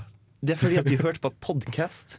Eh, Halo 5 har kanskje en av de beste reklame... Altså Halo har tidligere hatt fantastiske reklamekampanjer for de som faktisk vet det og lærte. Det var en sånn, sånn be-alternative reality game. I Heart Bees, ja. Mm. Nettopp. Og de har kjært et eh, alternative reality game eh, på femmeren også. Men eh, dersom du ikke bryr deg om det og kun har lyst på en god historie, så kan jeg anbefale så utrolig, utrolig varmt å ta og sjekke ut podkastet Hunt the Truth. Hmm. Eh, Det er et eh, på en måte eh, radioteater som er litt i stilen av Serial hvor en journalist, eh, spilt av Keegan Michael Key, Oi. kjent fra annet Kim Peel, eh, prøver å ta, finne ut sannheten bak Master Chief. Hvor han skal skrive en puff piece, men så får han et par kilder som tar og sier at forferdelige ting som er ganske uetiske, har skjedd. Eh, og det fører til eh, veldig masse paranoia og eh, basically framtid NSA som prøver å ta oss stansen for alt det er verdt, og en hel haug med gode stemmeskuespillere. Du har annet Phil Lamar, kjent for blant annet Samurai Jack. Eh, Du har eh, Colby Smulders, som spilte Robin på eh, How I Met Your Mother. Du har eh, Steve Blum. Du har Blum, faktisk. Ja, du har veldig mange gode, og det er en fantastisk god historie. Det er sånn seriøst, jeg har jeg tenkte å bare høre sånn to episoder, og så plutselig så har jeg hørt hele serien i ett strekk på sånn tre og en halv time. Og følte meg emotionally drained. Det var, det var sånn seriøst! Du følte frustrasjon til alle sammen. Fordi at oh, mm, Så åpna også døra, og så bare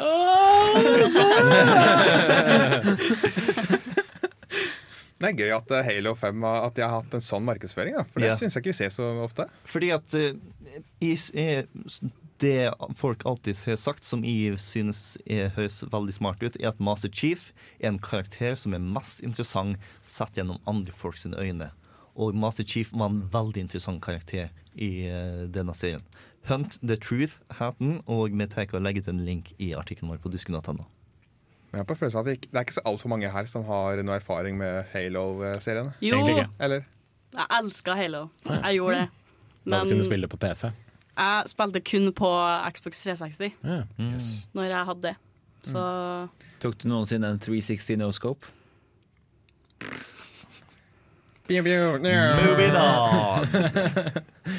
Nei, så ja, for, for hvis, det, hvis dette hadde vært en annen podkast, f.eks. Wild Crew, så kunne jeg sikkert snakke en halvtime om Halo 5. ganger. ja, og det gjør de veldig ofte. Shout-out til Jostein Hakstad og Wild Crew, for de snakker mye om, om Halo.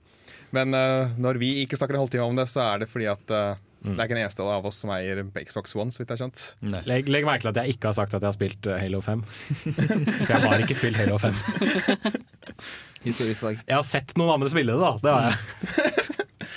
teller nesten. Den teller nesten. Vi har to til spill som jeg tenkte vi kan ta under ett. For den 6. oktober kommer Rock Band 4 ut. Det er spilt! Uh! 20. oktober Fuck you, Jens Erik! Fuck you! Og den 20. oktober kommer Vent, vent, vent. Jens Erik har spilt den her. Ja, OK. Ja, go. ja. Og den 20. oktober kommer Guitar Hero Live. Det har jeg ikke spilt. Ah! ah, okay. Wow.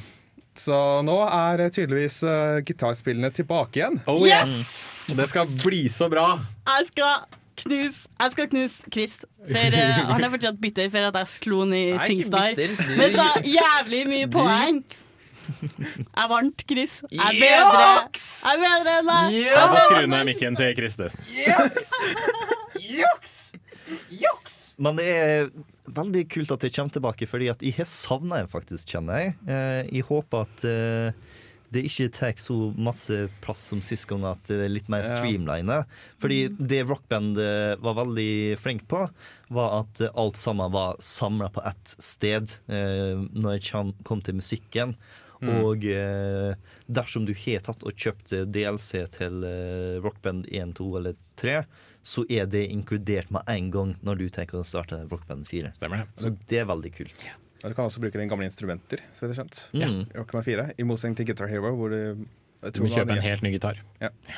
Og, men uh, Guitar Hero, så er det faktisk uh, FMV. Eller Ja. hva skal vi Ja. kalle det? Film.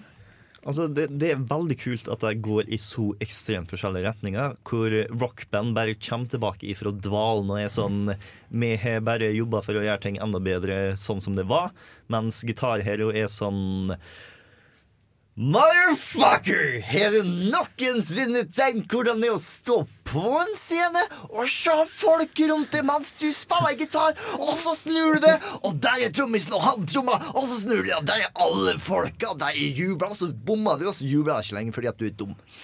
For å, for å bruke en musikkmetafor, eh, så føler jeg at Rock Band 4 er liksom det gamle rockebandet som, som samler seg på nytt igjen for å gi ut et nytt album, og så tenker de at vet du hva, dette her skal bli noe av det beste vi har fått til noensinne. Mens Guitar Hero Live er mer eh, det er liksom den, den litt yngre jyplingen i liksom musikkmiljøet som hele tiden prøver å finne på noe nytt. Eller liksom De har gjort det samme en stund, og så har de bestemt seg for at nei, nå skal vi gjøre et rent brudd, og nå skal vi starte på en helt ny, eh, ny fjøl med, med musikalske ting. The artist formerly known as Guitar Hero. Nettopp. Nettopp, nettopp, nettopp, nettopp. Ja. Så vi gleder oss til å klampe litt løs på gitaren. Ja, så, ja, det er ett spill som kommer ut i oktober, som er Life is Strange episode 5.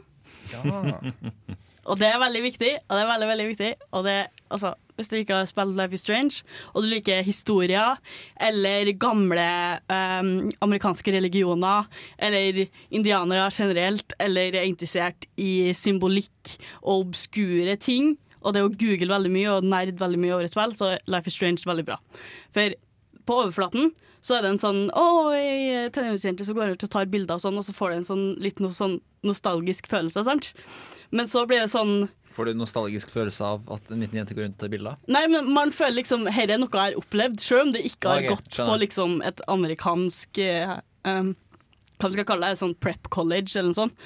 Så får man liksom sånn Man får en følelse av at man har opplevd dette her. Soundtracket er veldig bra. Um, og, mens og under overflaten så er det veldig, veldig mye som skjer, da. Som man kan, som man kan finne frem til hvis man, hvis man graver litt. Og det blir man faktisk, faktisk belønna for i Life is Strange. Hvis man graver veldig mye, og det har skjedd veldig mye i det siste.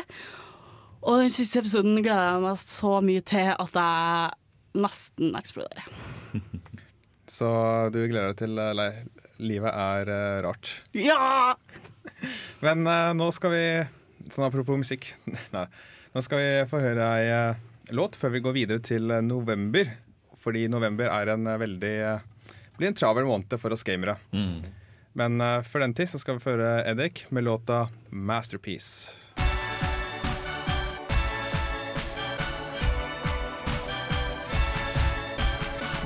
Fra de da til bardaga. Der hører vi Eddik med 'Masterpiece', som eh, er en eh, Bioshock-remix. eh, Stemmer ikke det? Fra albumet Only Man. Anbefales veldig varmt. Vi har en del låter fra han ifra før. Men eh, nå skal vi få høre litt hva som kommer ut i november. Det er langt å tenke fram, men dette er da tiden på året hvor vi begynner å nærme oss eksamensperioden. Og jeg prøver å gro skjegg, men aldri klarer å gro skjegg.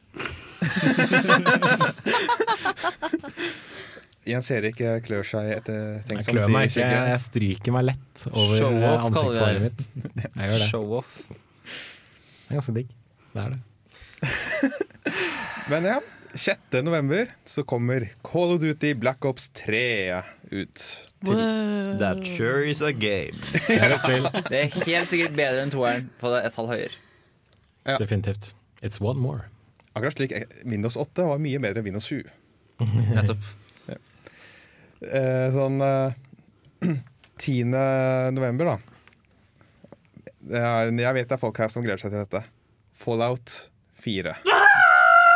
Nå, det er kanskje Ja. den største merkedagen i uh, spillåret 2015. Jeg tar 10. november. Åse danser mm. marker kalenderen. Ok, Åse, hvordan danser du? Det er liksom starter med sånne hender i retning av så går det over til Ja, det er og så er det sånn spasme-greier som foregår. Ja, men jeg bare få ut! Men jo, hvorfor, meg sånn, meg sånn. hvorfor er du gira på Fallout 4 også, Maren? Uh, fordi jeg elsker Fallout og Bethesda sine spill generelt, selv om de hater meg. Og Fallout 4 ser bra ut. Det gjør det.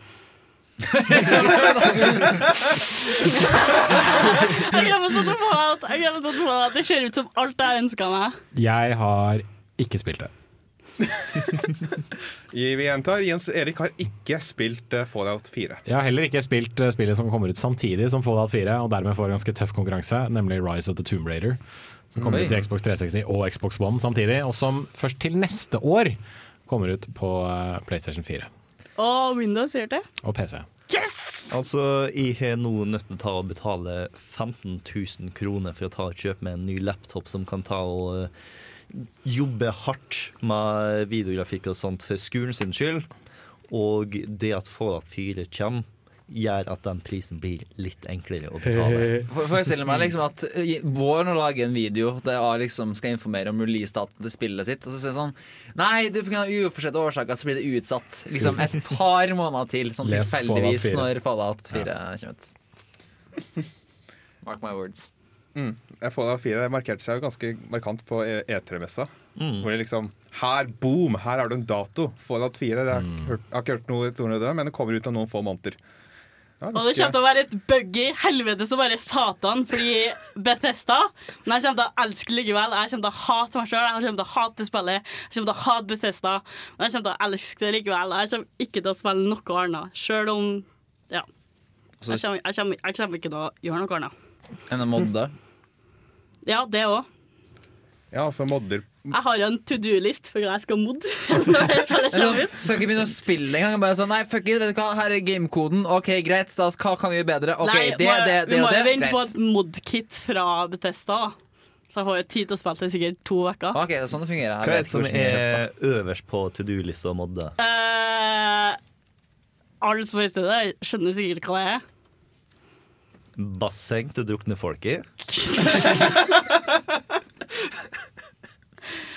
Jævlig morsomt. Det første jeg skal gjøre, er å modde ut uh, Hæ? Kostymedesign? Jeg ser for meg at det første også Maren skal gjøre, er å modde ut uh, den mannlige hovedpersonen Ja. og erstatte han med enda en kvinne, sånn at, Ja. uh, sånn at det er et lesbisk par du Det møter i begynnelsen Stemme. av spillet. Seriøst. OK, for her er det. Fallout det er ikke sånn Å, Det er alle over en verden som liksom er helt bizarre. Det er vel liksom sånn på krig med Kina og alt. Hvorfor kan det ikke bare være ett lesbisk par i det spillet her? Fordi det kan hende at det er det i historien, de bare valgte å ikke Ja, men Moving on! That's argument! Debate one! Ja, men da skal jeg endre det, sånn at jeg får det sånn som jeg vil. Ja, ja. Skjønner det. Ja, Det er jo en god ting med modding. Men eh, Og med å spille på PC. Ah! PC Master Race, ja. Og så har vi eh, 20. november. Kommer Star Wars Battlefront ut.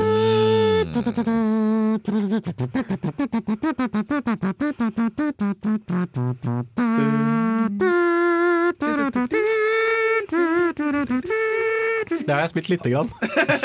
Har jeg lyst til å spørre en gang hvor lenge du har øvd på det her? Eh, ikke lenge, Å, faktisk. Det er bare noe som faller seg naturlig. Tok seg sikkert like lang tid som uh, det tok å, som du fikk til å spille det spillet. Ja, ja så cirka. Jeg spilte liksom ikke mer enn sånn to-tre minutter av det nede, nede på Gamescom. Men, eh, Dæven. Eh, Det var en sånn coop-del hvor du får en sånn horde- eh, horde-mode eh, av stormtroopers eh, mot deg, så må du skyte dem ned. Og det ser ut som Star Wars, og det føles som Star Wars, og det føles som Star Wars med skytespill. Og eh, jeg er veldig spent på hvordan det ferdige produktet blir ut. Nei, blir, blir senest ut. Spesielt den der, det de annonserte på Gamescom, som var disse flykampene, holdt jeg på å si, hvor du flyr rundt og skyter ned Tie Fighters og X-Wings og hva verre og bedre er. Og forhåpentligvis kan du sette deg bak rattet på Millennium-folken også, som kan bli eh, kult. Så det, det gleder jeg meg til. Det gjør jeg. Ellers så Et siste spill som jeg tenkte å nevne bare kjapt, er Trackmania Turbo. Som kommer ut eh, Eller, dette er ikke siste spillet jeg skal nevne. Kommer jeg på 27. november kommer Trackmania Turbo ut. Altså november-ish. Vi vet ikke helt når i november. Kommer XCOM 2 ut. Hva er XCOM? XCOM er et uh, turbasert strategispill der du uh, styrer et uh, lag på seks soldater som slåss mot romvesener. Det er liksom den ene halvdelen av spillet. Den andre halvdelen av spillet er at du bygger ut en svær base med ulike forskjellige ting som gjør at du kan bedre kjempe mot romvesenet. Du bør virkelig spille XCOM Enemy Unknown, for det var veldig veldig kult. Mm. Beste Og, spillet i 2013. og det som er veldig Ikke veldig spesielt, men eh, en av de viktigste trekkene til XCOM er permadeath. At eh, du har en hel haug med soldater som du får som rekrutter, og som du får eh, gjort badass gjennom å få gjennom en hel haug kamp. Men hvis de dør, så dør de. Yep. Og det er liksom så utrolig kjipt når en oberst-sniperen din blir tatt og er bare sånn, God fucking damn it! All strategien min basert på at hun skulle ta og knerte alt. God no! Og det beste med nye XCOM er at jeg antar Altså historien antar at du bare har tapt det første spillet Ja, på den mest spektakulære måten. Alt, er bare, alt har bare gått til helvete, så du trenger ikke å ha spilt Enemy Unknown, egentlig. For Du bør spille det fordi det er et bra spill. Ja, det er sant. Og vi får sannsynligvis se en veldig billig penger i disse dager. Ikke minst. Så det var de spillene som eh, kommer i eh, november. Men eh, du har tatt med en låt som vi kan spille før vi får høre om desember og resten av året. på en måte Ja, At det er det etter desember? i, Ja, det vil si spill, spill som ikke har fått en dato, men som vi vet skal Ja. Visstnok kom ut i 2015. Ja, det er Q4, som det heter på fagspråket. Eh, jeg har funnet tak i litt spillmusikk fra David Bowie, faktisk. Fordi eh, hvis du går tilbake til sånn 1999, eh, så var det en ung jypling som het David Cage, som senere skulle ta og lage annet Heavy Rain og Beyond Two Souls. Som lagde sitt første spill. Det het Omicron The Nomad Soul. Eh, som kom ut på PC og Dreamcast. Og i det spillet så spilte eh, David Bowie to forskjellige karakterer. En eh, opprører og en bare en vanlig artist som sang forbudte sanger. Og han tok og lagde en hel hemma låter med det spillet i tankene, og eh, de ble senere utgitt eh, på plata Hours med kanskje litt annerledes eh, lyrikk for at det ikke skulle ta og være så spesifikt i det spillet. Eh, den låta jeg har funnet tak i fra det spillet, som for øvrig er tilgjengelig på Steam, heter New Angels of Promise, og er også på Hours sitt album.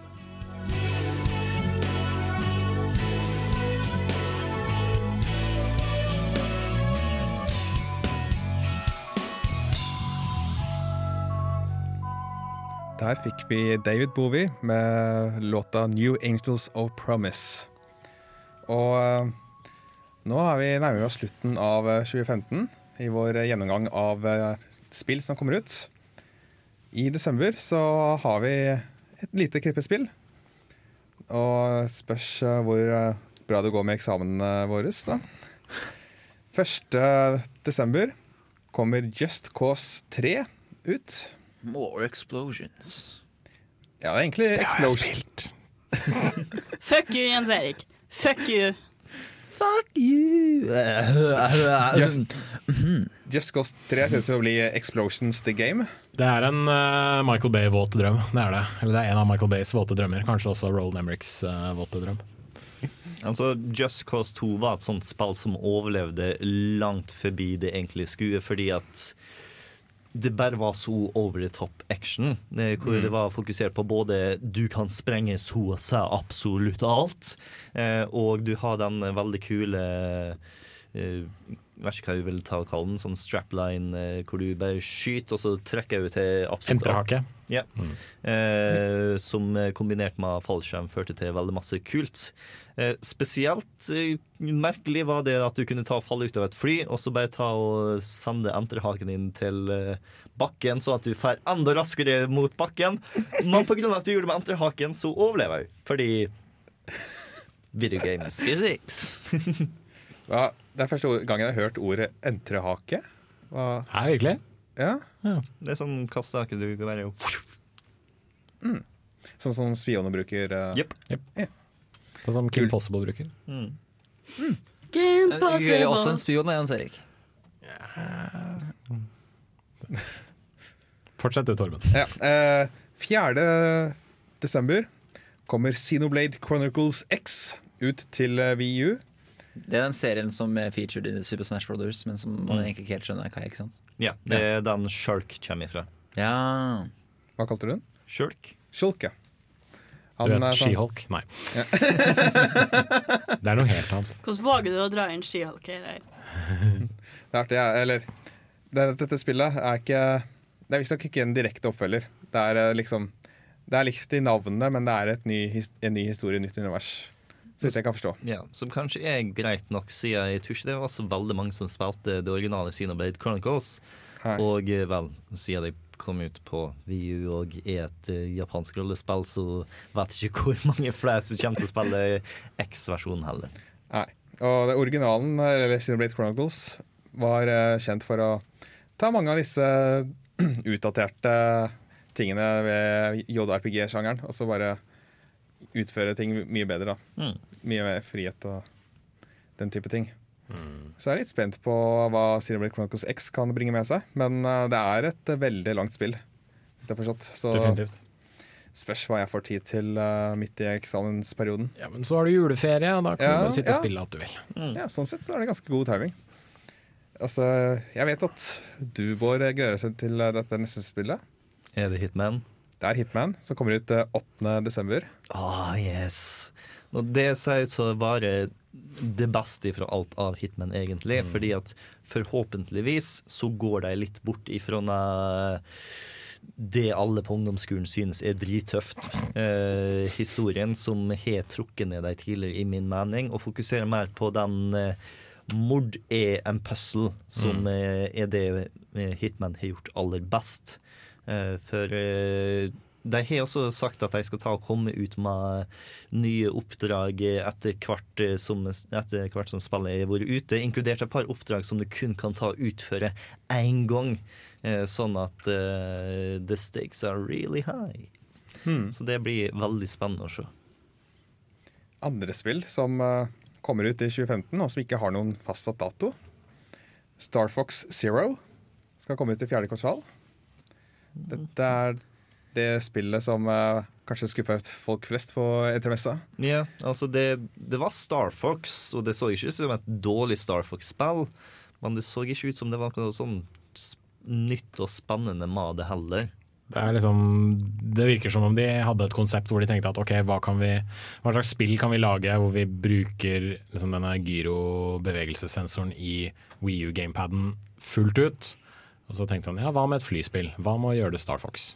Um, det, det ser ikke spesielt visuelt pent ut heller. Nei, det, Nintendo er veldig flinke til å liksom ha en egen sånn skarphet ved liksom Wii U-spillene sine. Men Star Fox ser litt sånn blast og kjipt ut, syns jeg. Du kunne liksom eh, Hvis du har vist det i eh, 480P, så kunne jeg lett hatt og trodd at det Mm. var fra GameCuben. Mm. Samtidig så er det jo to skjermbilder som genereres i Ja, ja. 60 frames per sekund. Definitivt. Men om de får til i de 60 bildene per sekund, det er et eh, veldig godt spørsmål. selv med de eh, grafiske nedjusteringene. Ikke sant? Et uh, annet spill som bare er sagt er 2015-spill, det er Firewatch. Når vi tenker å snakke om spill som ser fint ut. Jesus Christ. Uh, Firewatch er et dritkult indiespill som har pedigree bak seg. Altså Det er fantastiske folk som jobber på det. Det er de som eh, sto bak eh, den første sesongen av Walking Dead, som stemmer bak eh, historien og eh, hvordan du interagerer med historien. Og en av mine favorittkunstnere, eh, Ollie Moss, er som står bak eh, det visuelle, og det synes veldig klart. Definitivt. Du tar og spiller som eh, en eh, skogvakt i 1989 i en nasjonalpark i Wyoming, og det blir vel Det er nok en first, per, first person explorer hvor du bare tar og utforsker karakteren og verden rundt det, og det, det ser kult ut som bare det. Ja, fordi Gjennom dette eventyret i skogen så har du en sånn walkietalkie med deg. Og det er på en måte din eneste menneskelige kontakt i spillet. Hvor du har kontakt med en sånn dame, er det vel? På yeah. Som sitter i et annet tårn flere kilometer unna, så hun må liksom bruke en halv dag for å komme til deg. Så dere må liksom bare kommunisere via, via walkietalkie. Og det, det kan bli en spennende greie. Da. Så forholdet mellom disse to avgjøres litt ut ifra hvilke svar du velger å gi denne personen når hun spør deg om ting. Og så er det ett siste spill som jeg tenker å nevne, som skal komme ut i høst. Og det er Perso Persona 4 Dancing All Night. Det var ikke det jeg forventa du kom til å si. Nei. Altså I hele så har jeg ikke Vita, så jeg får ikke spilt det. Har jeg hatt Vita, så har jeg Har du dansa hele kvelden? Jeg har kanskje dansa hele kvelden, ja. Der. Eh, og det skal nevnes at eh, Persona 5 så har 2015 blitt kasta ut som en dato der. Men jeg har veldig store tvil at det kommer utafor Japan Ja. i løpet av 2015. Det er sikkert en uh, helsikes oversettelsesjobb som må gjøre med det spillet. Ja. Uh, jeg er overraska over at du ikke nevner No Man's Sky, uh, Torben. Ja, men jeg, jeg sjekka opp. Jeg fikk forespørsel om det på forhånd. Ja. Og jeg sjekker opp, og det står 'to be confirmed'. Ah, Ja, men. Er det noen som tror at No Man's Sky kommer til å komme ut i år? Jeg hadde håpa på det, men Det eh, gjør det spørs vel kanskje. Det skjer ikke. Det, det, er Hva var No Man's Sky igjen? det er der du hopper i et romskip, og så fer du rundt i Ja. galaksen og bare 'Dette er en ny planet, de kaller den for dippet Woo! Ja. Det spillet som eh, de er Jeg lurer på om jeg måtte ha sånn AI, programmert AI for å bare QA-teste spillet. For det er så stort. Og også det spillet som var litt kjent for at de bare viser fram én planet. eh, Av gangen, ja. Mm. Ja. Eller liksom Du kommer fram til en ny planet, og så den er sånn fine høstfarger, kanskje. Og den eh, ble først Så trodde man gjerne at det var en PS4-eksklusiv, men uh, det kommer vel også ut på PC. Ble det under, den eneste avsløringen under PC Gaming Show på E3. men ja, hva Er det noen flere ting jeg har eh, glemt, og som føler å nevne? Jeg skal runke indie-penisen min litt grann, og Ja, nevne et spill Nei, som, heter, eh, som heter Hyperlight Drifter. Har du spilt det òg? Nei, det har jeg ikke. Som er en hyllest til eh, liksom, de gamle 8-bit og 16-bit Zelda-spillene fra et litt sånn moderne perspektiv, og med, med fokus på liksom, kjappe bevegelser, mye liksom, unnamanøvre og sånne ting, og, og fiender som kan, eh, som kan banke deg veldig lett. Det har vært under utvikling en stund, men de sier at det skal komme i liksom, tredje eller fjerde kvartal 2015, så det tror jeg kan bli eh, kult. Mm. Det er også et sånn Kickstarter-spill. Veldig mye Kickstarter-spill, faktisk. Ja, absolutt. absolutt. det er gøy å se at jeg får noen gode konsekvenser. Du hører på Radio Revolt, studentradioen i Trondheim. Det er litt trist å meddele dette, men sendinga vår begynner å gå mot slutten. Sadface. Men jeg håper at, den, eh, at det har blitt klokere på hva som kommer i spillhøsten. Jeg vet jeg har blitt det, iallfall. Mm. Og eh, det kommer til å bli en god del nerdepratepisoder framover. Så dersom du har lyst til å ta og sende inn spørsmål eller kommentarer eller forslag til hva nerdeprat kan ta og snakke om, så mangler det ikke på plasser hvor du kan ta og gjøre det. Du kan alltid alltids nå oss på nerdeprat, krøllalfa, radiorevolt.no. Vi er også nerdeprat på Twitter, på Facebook, på Instagram, på ja, Tumblr. Eh, Hvorfor ikke? Google pluss. Jepp. På Google Pluss og på YouTube. Eh, og eh, dersom du har lyst å være i Nerdeprat, så har du fremdeles muligheten fram til 23. august å ta og søke Samfunnet. Og eh, jeg har vært i Trondheim nå i fem år, og i løpet av de fem åra så var det å søke på Samfunnet det aller smarteste jeg noensinne gjorde. Eh, så jeg håper at eh, noen av dere der ute eh, tar og søker. Og så får jeg lov til å dømme dere. Ja, Ja. dere kommer til å møte Chris. Uansett om dere kommer inn eller ikke, så kommer Chris til å sitte på en sofa framfor dere og bare spørre dere Så hva er favorittspillet ditt. Så får du svare på det, og så får du eh, ligge våken om natta og lure på om du svarte riktig. Og hvis de spør deg på intervjuet om du kan anmelde et spill, så betyr det at du skal anmelde et spill der og da, ikke etterpå. Definitivt. Men du bør helst anmelde spillet i ettertid også. Looking at you også, Maren. Hvilket spill er du Torben, Torben, bring us home. OK, OK. ok ja, Jeg springer oss hjem. Her får du uh, 'Shallow Our Hood Boy'. Mm. Og jeg ønsker bare å si ha det bra. Ha det bra. Ha det bra. Ha det bra. Hei da.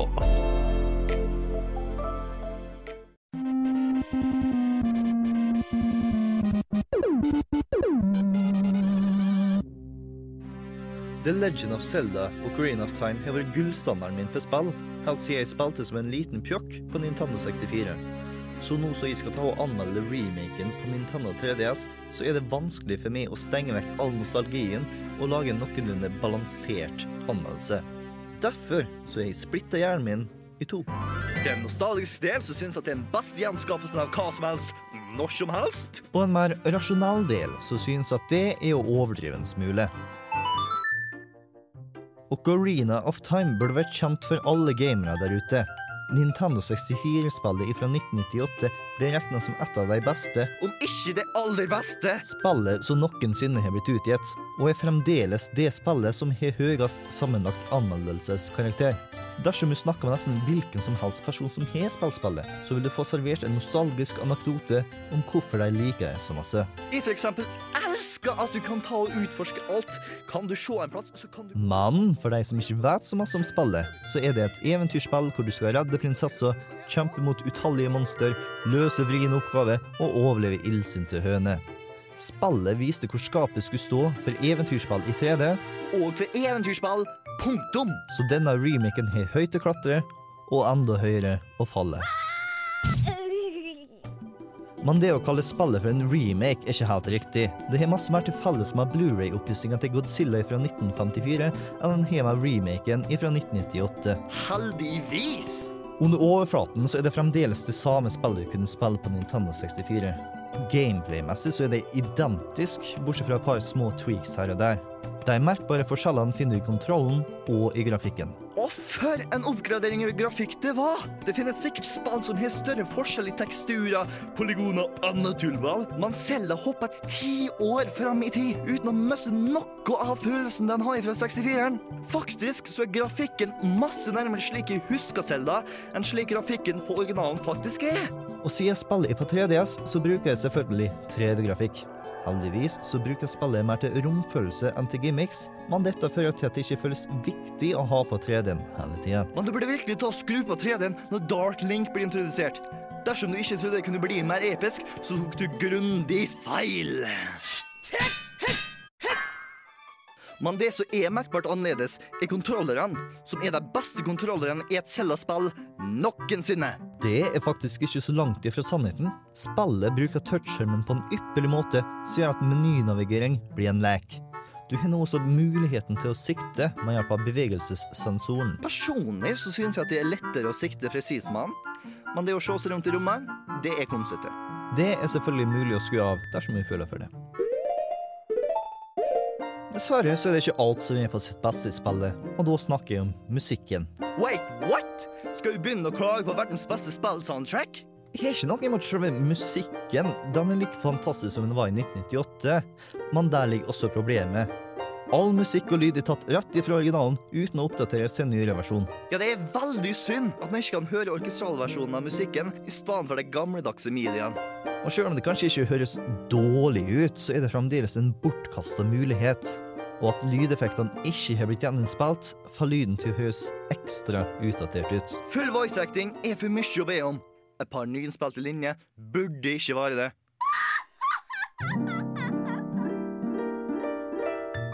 Når det kommer til selve spillet, så holder det så overraskende godt. Det har vært favorittspillet mitt i årevis, og jeg ble overraska over hvor bra det var når jeg endelig plukka det opp igjen.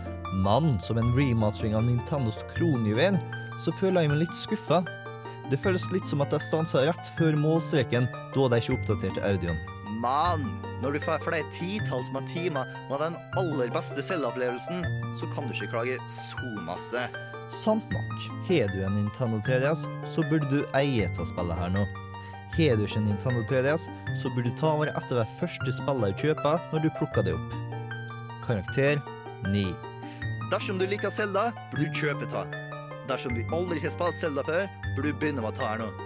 Karakter 9873,5 pluss 10 opphøyd i fjerde med to i mente. Yeah. Hello? Look! Hey, listen!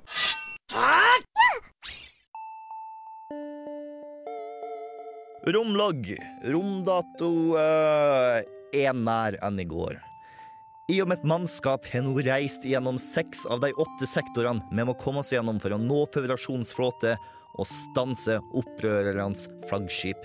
Vi hadde litt uflaks og ble ganske hardt skadd etter et møte med noen overivrige tollvakter, men vi er heldigvis fremdeles intakt. Nå er planen å svinge innom nærmeste verksted, rett etter at vi har hjulpet hvem enn det er som har sendt ut dette nødsignalet. Jeg visste at noen kom til å falle for den utspekulerte fella vår. Oh, come on! Ikke rompirater igjen! Kaptein, skjoldet vårt er ned! Crap! Phillips, hjelp Om med å få opp skjoldet igjen. Kaptein, de har teleportert soldater inn i skipet. De saboterer motorrommet. Maskinisten er allerede død. OK. Åpne alle dører mellom motorrommet og utsida. La dem puste vakuum. For seint, kaptein. Dørsystemet er ned. Incoming! Faen i helse... Romskipssimulatoren FTL, Faster Than Light, er et spill av den gamle skuren. Da snakker jeg ikke bare om den enkle, men vakre pikselbaserte grafikken eller den stemningssettende chiptunes-musikken, men også om den høye vanskelighetsgraden. Du kan bruke en liten evighet og føle at alt går din vei, bare for å ende opp med å starte på nytt fordi at du gjorde et par feil, sånn som i scenarioet du nettopp hørte. For i FTL, som i andre rogelikes, så er døden permanent. Heldigvis så føles det alltid at det er hos det feilen ligger, og ikke hos spillet. Og som så mange andre spill fra de gode gamle dager, så kan du runde dette spillet på to timer dersom du vet hva du gjør. Det hindrer ikke undertegnede fra å bruke 20 timer før han endelig så opprørerens flaggskip gå opp i flammer på easy. FTL er et spill med mange muligheter, og som krever at du tenker taktisk.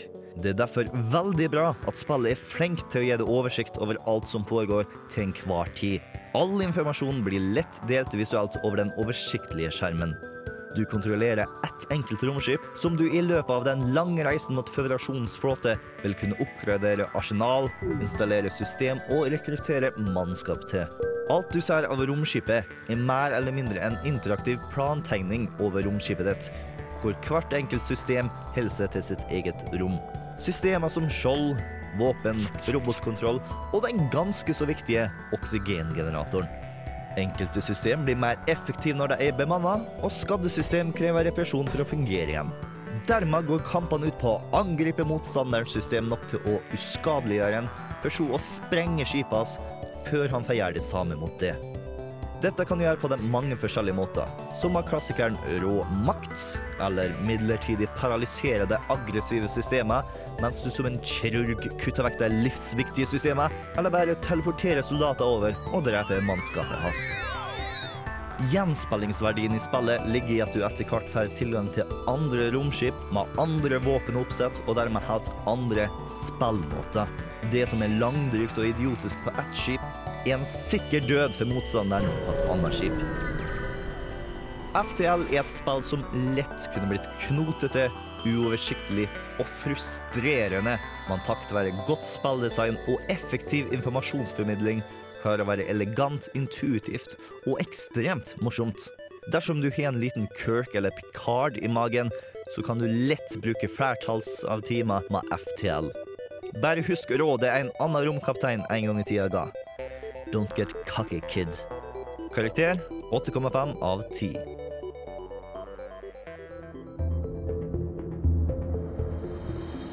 I'm Commander Shepard, and this is my favorite show on the Citadel.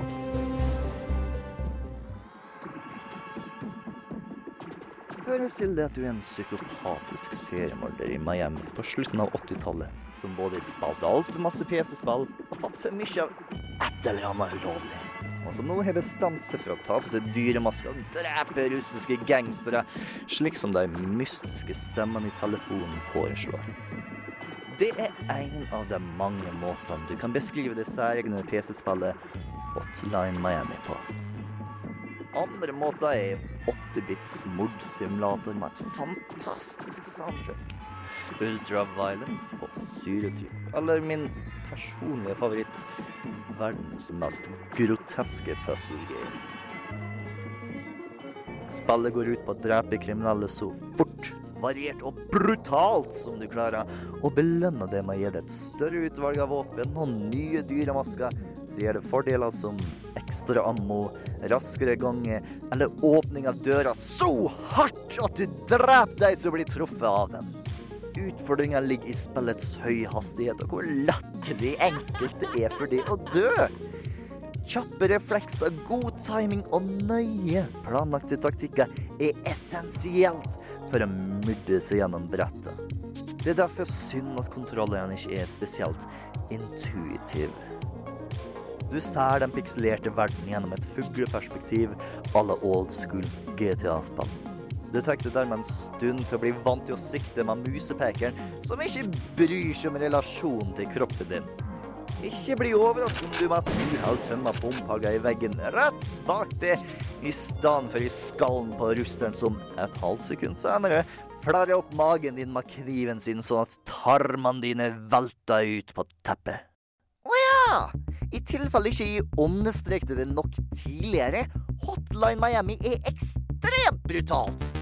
Blod spruter som morbide fontener, hjernemasser innen er faste innslag, og lemlasting står høyt på dagsordenen. Det mangler ikke på kreative og groteske måter å likvidere russere på. Men det er ikke det som er skremmende med spillet. Det skremmende er å se hvor kjapt du blir vant til å se maltrakteranatomi og begynne å ha det artig med å massakrere russere i et høyt tempo. Historien i spillet er til tider så subtil at du bare legger merke til de mer morbide delene av en drapsmann som mister mer og mer taket på virkeligheten. Dersom du satte ned med narrativet, så kan du tolke det frem til en veldig interessant historie om galskap og spillvolds mangel på mening. Men det er absolutt ikke nødvendig for å nyte spillet. Generelt sett så er spillet ganske flink til å føle som om du ser verden fra perspektivet til en psykopat. Fra den overdrevne volden til de sjuke hallusinasjonene og til det nesten flytende filteret så får det til å føles tatt noe du ikke burde ha tatt. Det eneste i spillet som kan beskrives som vakkert, er musikken, som er en samling av top notch 80-tallsinspirert elektronika. Så dersom du så Drive og tenkte til deg sjøl Det jeg likte best med denne filmen, var den groteske volden og den stilige musikken. Jeg skulle ønske noen lagde et spill ut av det. Så hei, ingen anelse hvem i helvete du er. Men hei, du fikk ditt utrolig bisarre ønske oppfylt. Bra for det! Og for dere andre så vil jeg absolutt anbefale dere å prøve ut Hotline Miami. Så fremt dere har tålmodighet på magen nok til å holde ut. Karakter 8,5 av 10.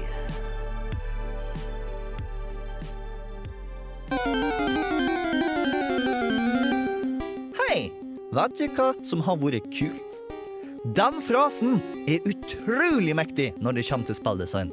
Det finnes utvilsomt flere spill som ble pitcha etter denne frasen, enn det finnes brukere på Xbox Live som angivelig skal ha hatt seksuelt samkvem med mora mi. Men visste du at man har dukket opp godt ut i spillutviklinga endra denne enkle frasen allerede gode spill til industridefinerende titler? I 1986 fikk en gjeng i Nintendo oppgaven om å lage et actionspill som kunne følge opp plattformsuksessen Super Mario Bros. og eventyrhytten The Legend of Zelda. Spillet, som hadde arbeidstittelen Space Hunter, hadde en kar i romrustning som reiste rundt på en monsterbefengt planet. Det er helt til en av utviklerne sa Hei, vet du hva som var kult? Om personen inni drakten var ei dame.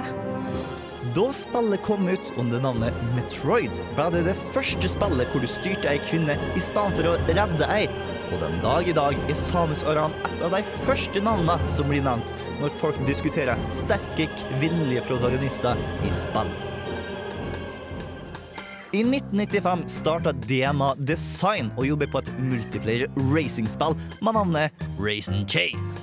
Spillet led av en bug som gjorde at den kunstige intelligensen til politibilene ble overivrig og prøvde å kjære spilleren av veien.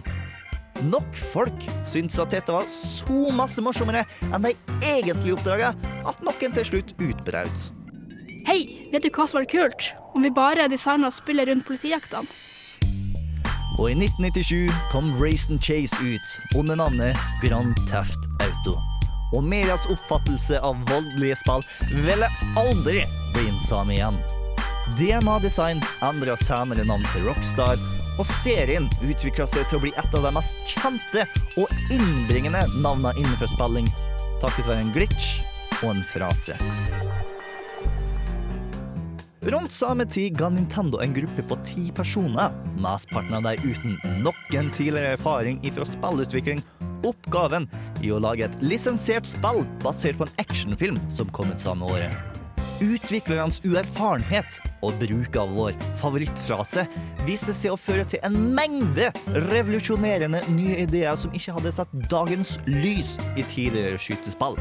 Men kanskje den viktigste delen kom ikke så lang tid før spillet var ferdig, da en kar åpna kjeften sin og sa Hei, vet du hva som hadde vært kult? Et flerspillermodus. To år etter filmens utgivelse kom spillet Golden Eye ut på Nintendo 64. Gullstandarden for skytespillkonsoll ble satt der og da. Og multiplayeren gjorde spillet uendelig populært, og spillerne ekstremt engasjerte. Bare feiginger og kvinnfolk velger oddjob. Dette Til tross for at utviklerne aldri sa ifra til sjefene sine om at de mekka på modusen før en kalte hodene ferdig på fritida si. Så moralen i leksa er at spørsmålet er ikke å være eller ikke være, men heller hei! Vet du hva som har vært kult? Fisk fram smarttelefonen, sett deg godt til rette på porselentronen og finn din indre sjømann. Jeg har din landkrabbe! For spillet Ridiculous Fishing tilbyr nøyaktig det det lover. Nei, faen! Nå dreg meg på skyen! Spillet går ut på å kaste kroken ut i vannet og vri på mobilen for å unngå så masse fisk som mulig, mens du prøver å komme det så langt ned som du greier. Dra det til helvete, drittfisk! Når en fisk endelig biter på kroken, blir lina automatisk dratt opp. Da blir spillets mål å fange så masse fisk som du klarer. Kom deg til helvete hit, fiskedritt! Når fangsten treffer overflaten, kaster seg høyt til værs, slik at du kan trykke på skjermen for å skyte deg i stykker og tjene penger. Visst faen! Sånn gjør vi det på skyen! Pengene bruker du på å oppgradere utstyret ditt, som å få lengre line, bytte ut håndpistol med maskingevær og bazooka, og installere et bor på kroken, så du kan drille det gjennom fisk på vei ned. Jævlig lite av tobakkspipa og tatoveringer, da! Kontrasten mellom å unngå for så å fange gjør gameplay elegant i sin enkelhet. Og sammen med sin særegne angulære grafikk og vimsete Twitter-rip-off med poster fra måka pingviner, er dette et spill som gir mersmak. Ei skjulig sjøvann! Hæ? Jeg, jeg tror ikke du vet helt hva som skjer ute på havet. Snørr opp snørpa! Har du vært på skyen, kanskje? Nei! Og dermed ikke du heller. Å ja. Fette faen!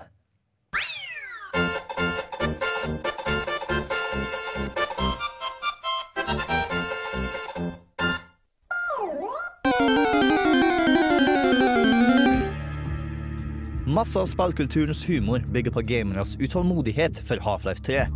Man har med venta lenger på Half-Life 3 enn på Half-Life 2. Faktisk så er punktet hvor Half-Life 3s ventetid overskrider sin forgjengers, ikke så langt ifra oss. Det ligger tre måneder tilbake i tid. Ventetiden mellom Half-Life 1 fra 98 og Half-Life 2 fra 04 er på seks år og åtte dager. Og i dag så er det seks år, tre måneder og tolv dager siden Half-Life 2 episode 2 kom ut i 07. Men sjøl om vi slår sammen begge disse ventetidene, så kommer vi ikke i nærheten av det spillet med den mest berykta ventetida. Duke Nukem Forever. Mellom Duke Nukem 3D fra 96 og Duke Nukem Forever fra 2011 så er det 15 år, 4 måneder og 12 dager. La oss putte dette i perspektiv. På en like lang periode klarte The Beatles å komme sammen, skape noe av verdens beste musikk og slå opp. Og fremdeles ha fem år på å være sur på hverandre og ha solokarriere.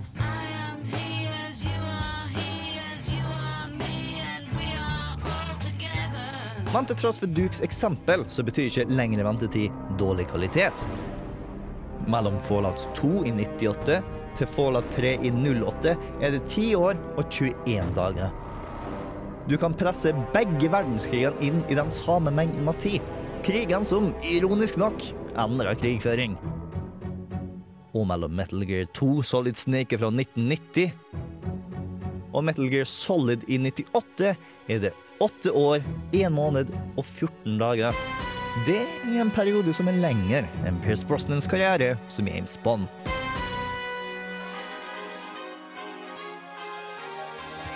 Men den lengste ventetida på en oppfølger er mellom Kid Icarus of Myth and Monsters til Gameboy fra 1991 til Kid Icarus Uprising på Nintendo 3DS fra 2012. Det er 7443 dager, eller 20 år, 4 måneder og 17 dager mellom de to spillene. En periode som er lenger enn verdenshistoriens mest kjente ventetid på en oppfølger, nemlig mellomkrigstiden. Vent nå litt. Mellomkrigstida. World War One, World War Two. Hvis vi legger det sammen, så får vi tre Å, herregud! Half-Life 3 confirmed.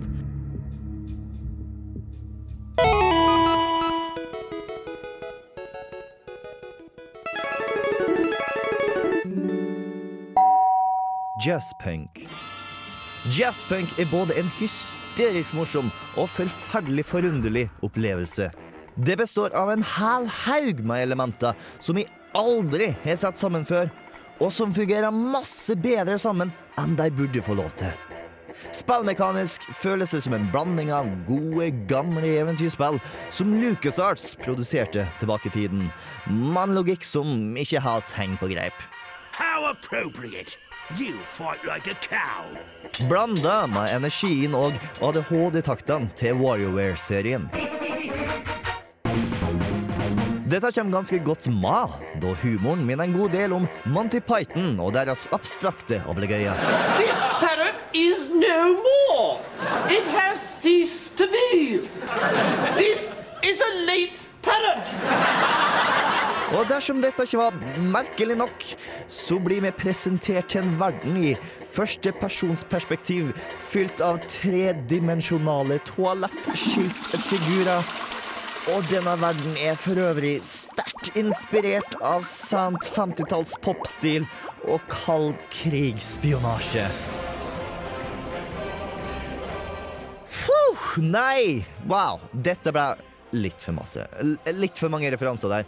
Eh, La oss heller prøve å komme oss til kjernen til spillet, med å bryte ned det fantastiske navnet hans. Jazz. Jazz er en musikksjanger kjent for å være friflytende og improviserende. Føler musikeren for en saksofonsolo? Vel, hei. Hei, hei, hei. Da blir det en saksofonsolo like lang som det de føler for. Hvor stykket går hen, avgjøres i gjerningsøyeblikket. Punk. Punk er musikksjanger som er rett han har mellomfinger mot de etablerte reglene. De vil ikke følge reglene som er satt opp, og vil heller gjøre sin ting uten noe budsjett enn å ta ei eneste krone fra noen andre for å gjøre noe de ikke har lyst til. For punken så er friheten fra det etablerte alt. Polka. Polka er folkemusikk fra Sentral-Europa som blir brukt til å spille opp til dans. Eh, Polka har ikke noe med spillet eller denne anmeldelsen å gjøre.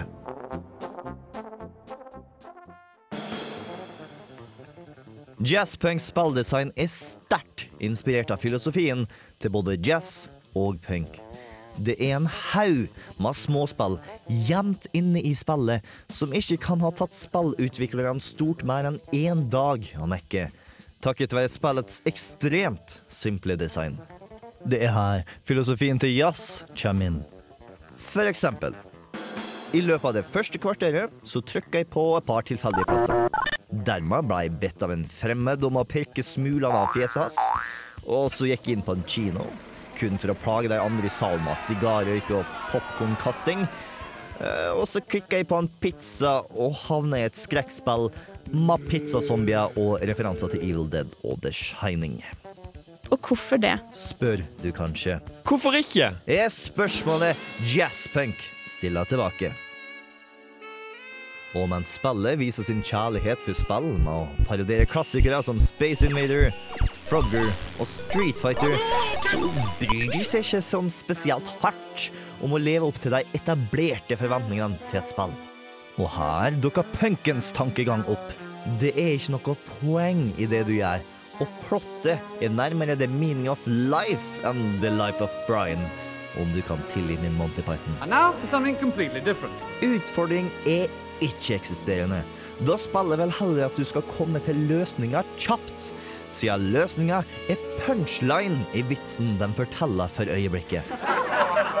Med den designfilosofien vet du aldri hva du kan forvente fra jazzpunk før du har opplevd det. Og med en lengde på to timer så tar det ikke lang tid å oppleve det meste, og humoren får dermed aldri sjans til å bli gammel eller oppbrukt.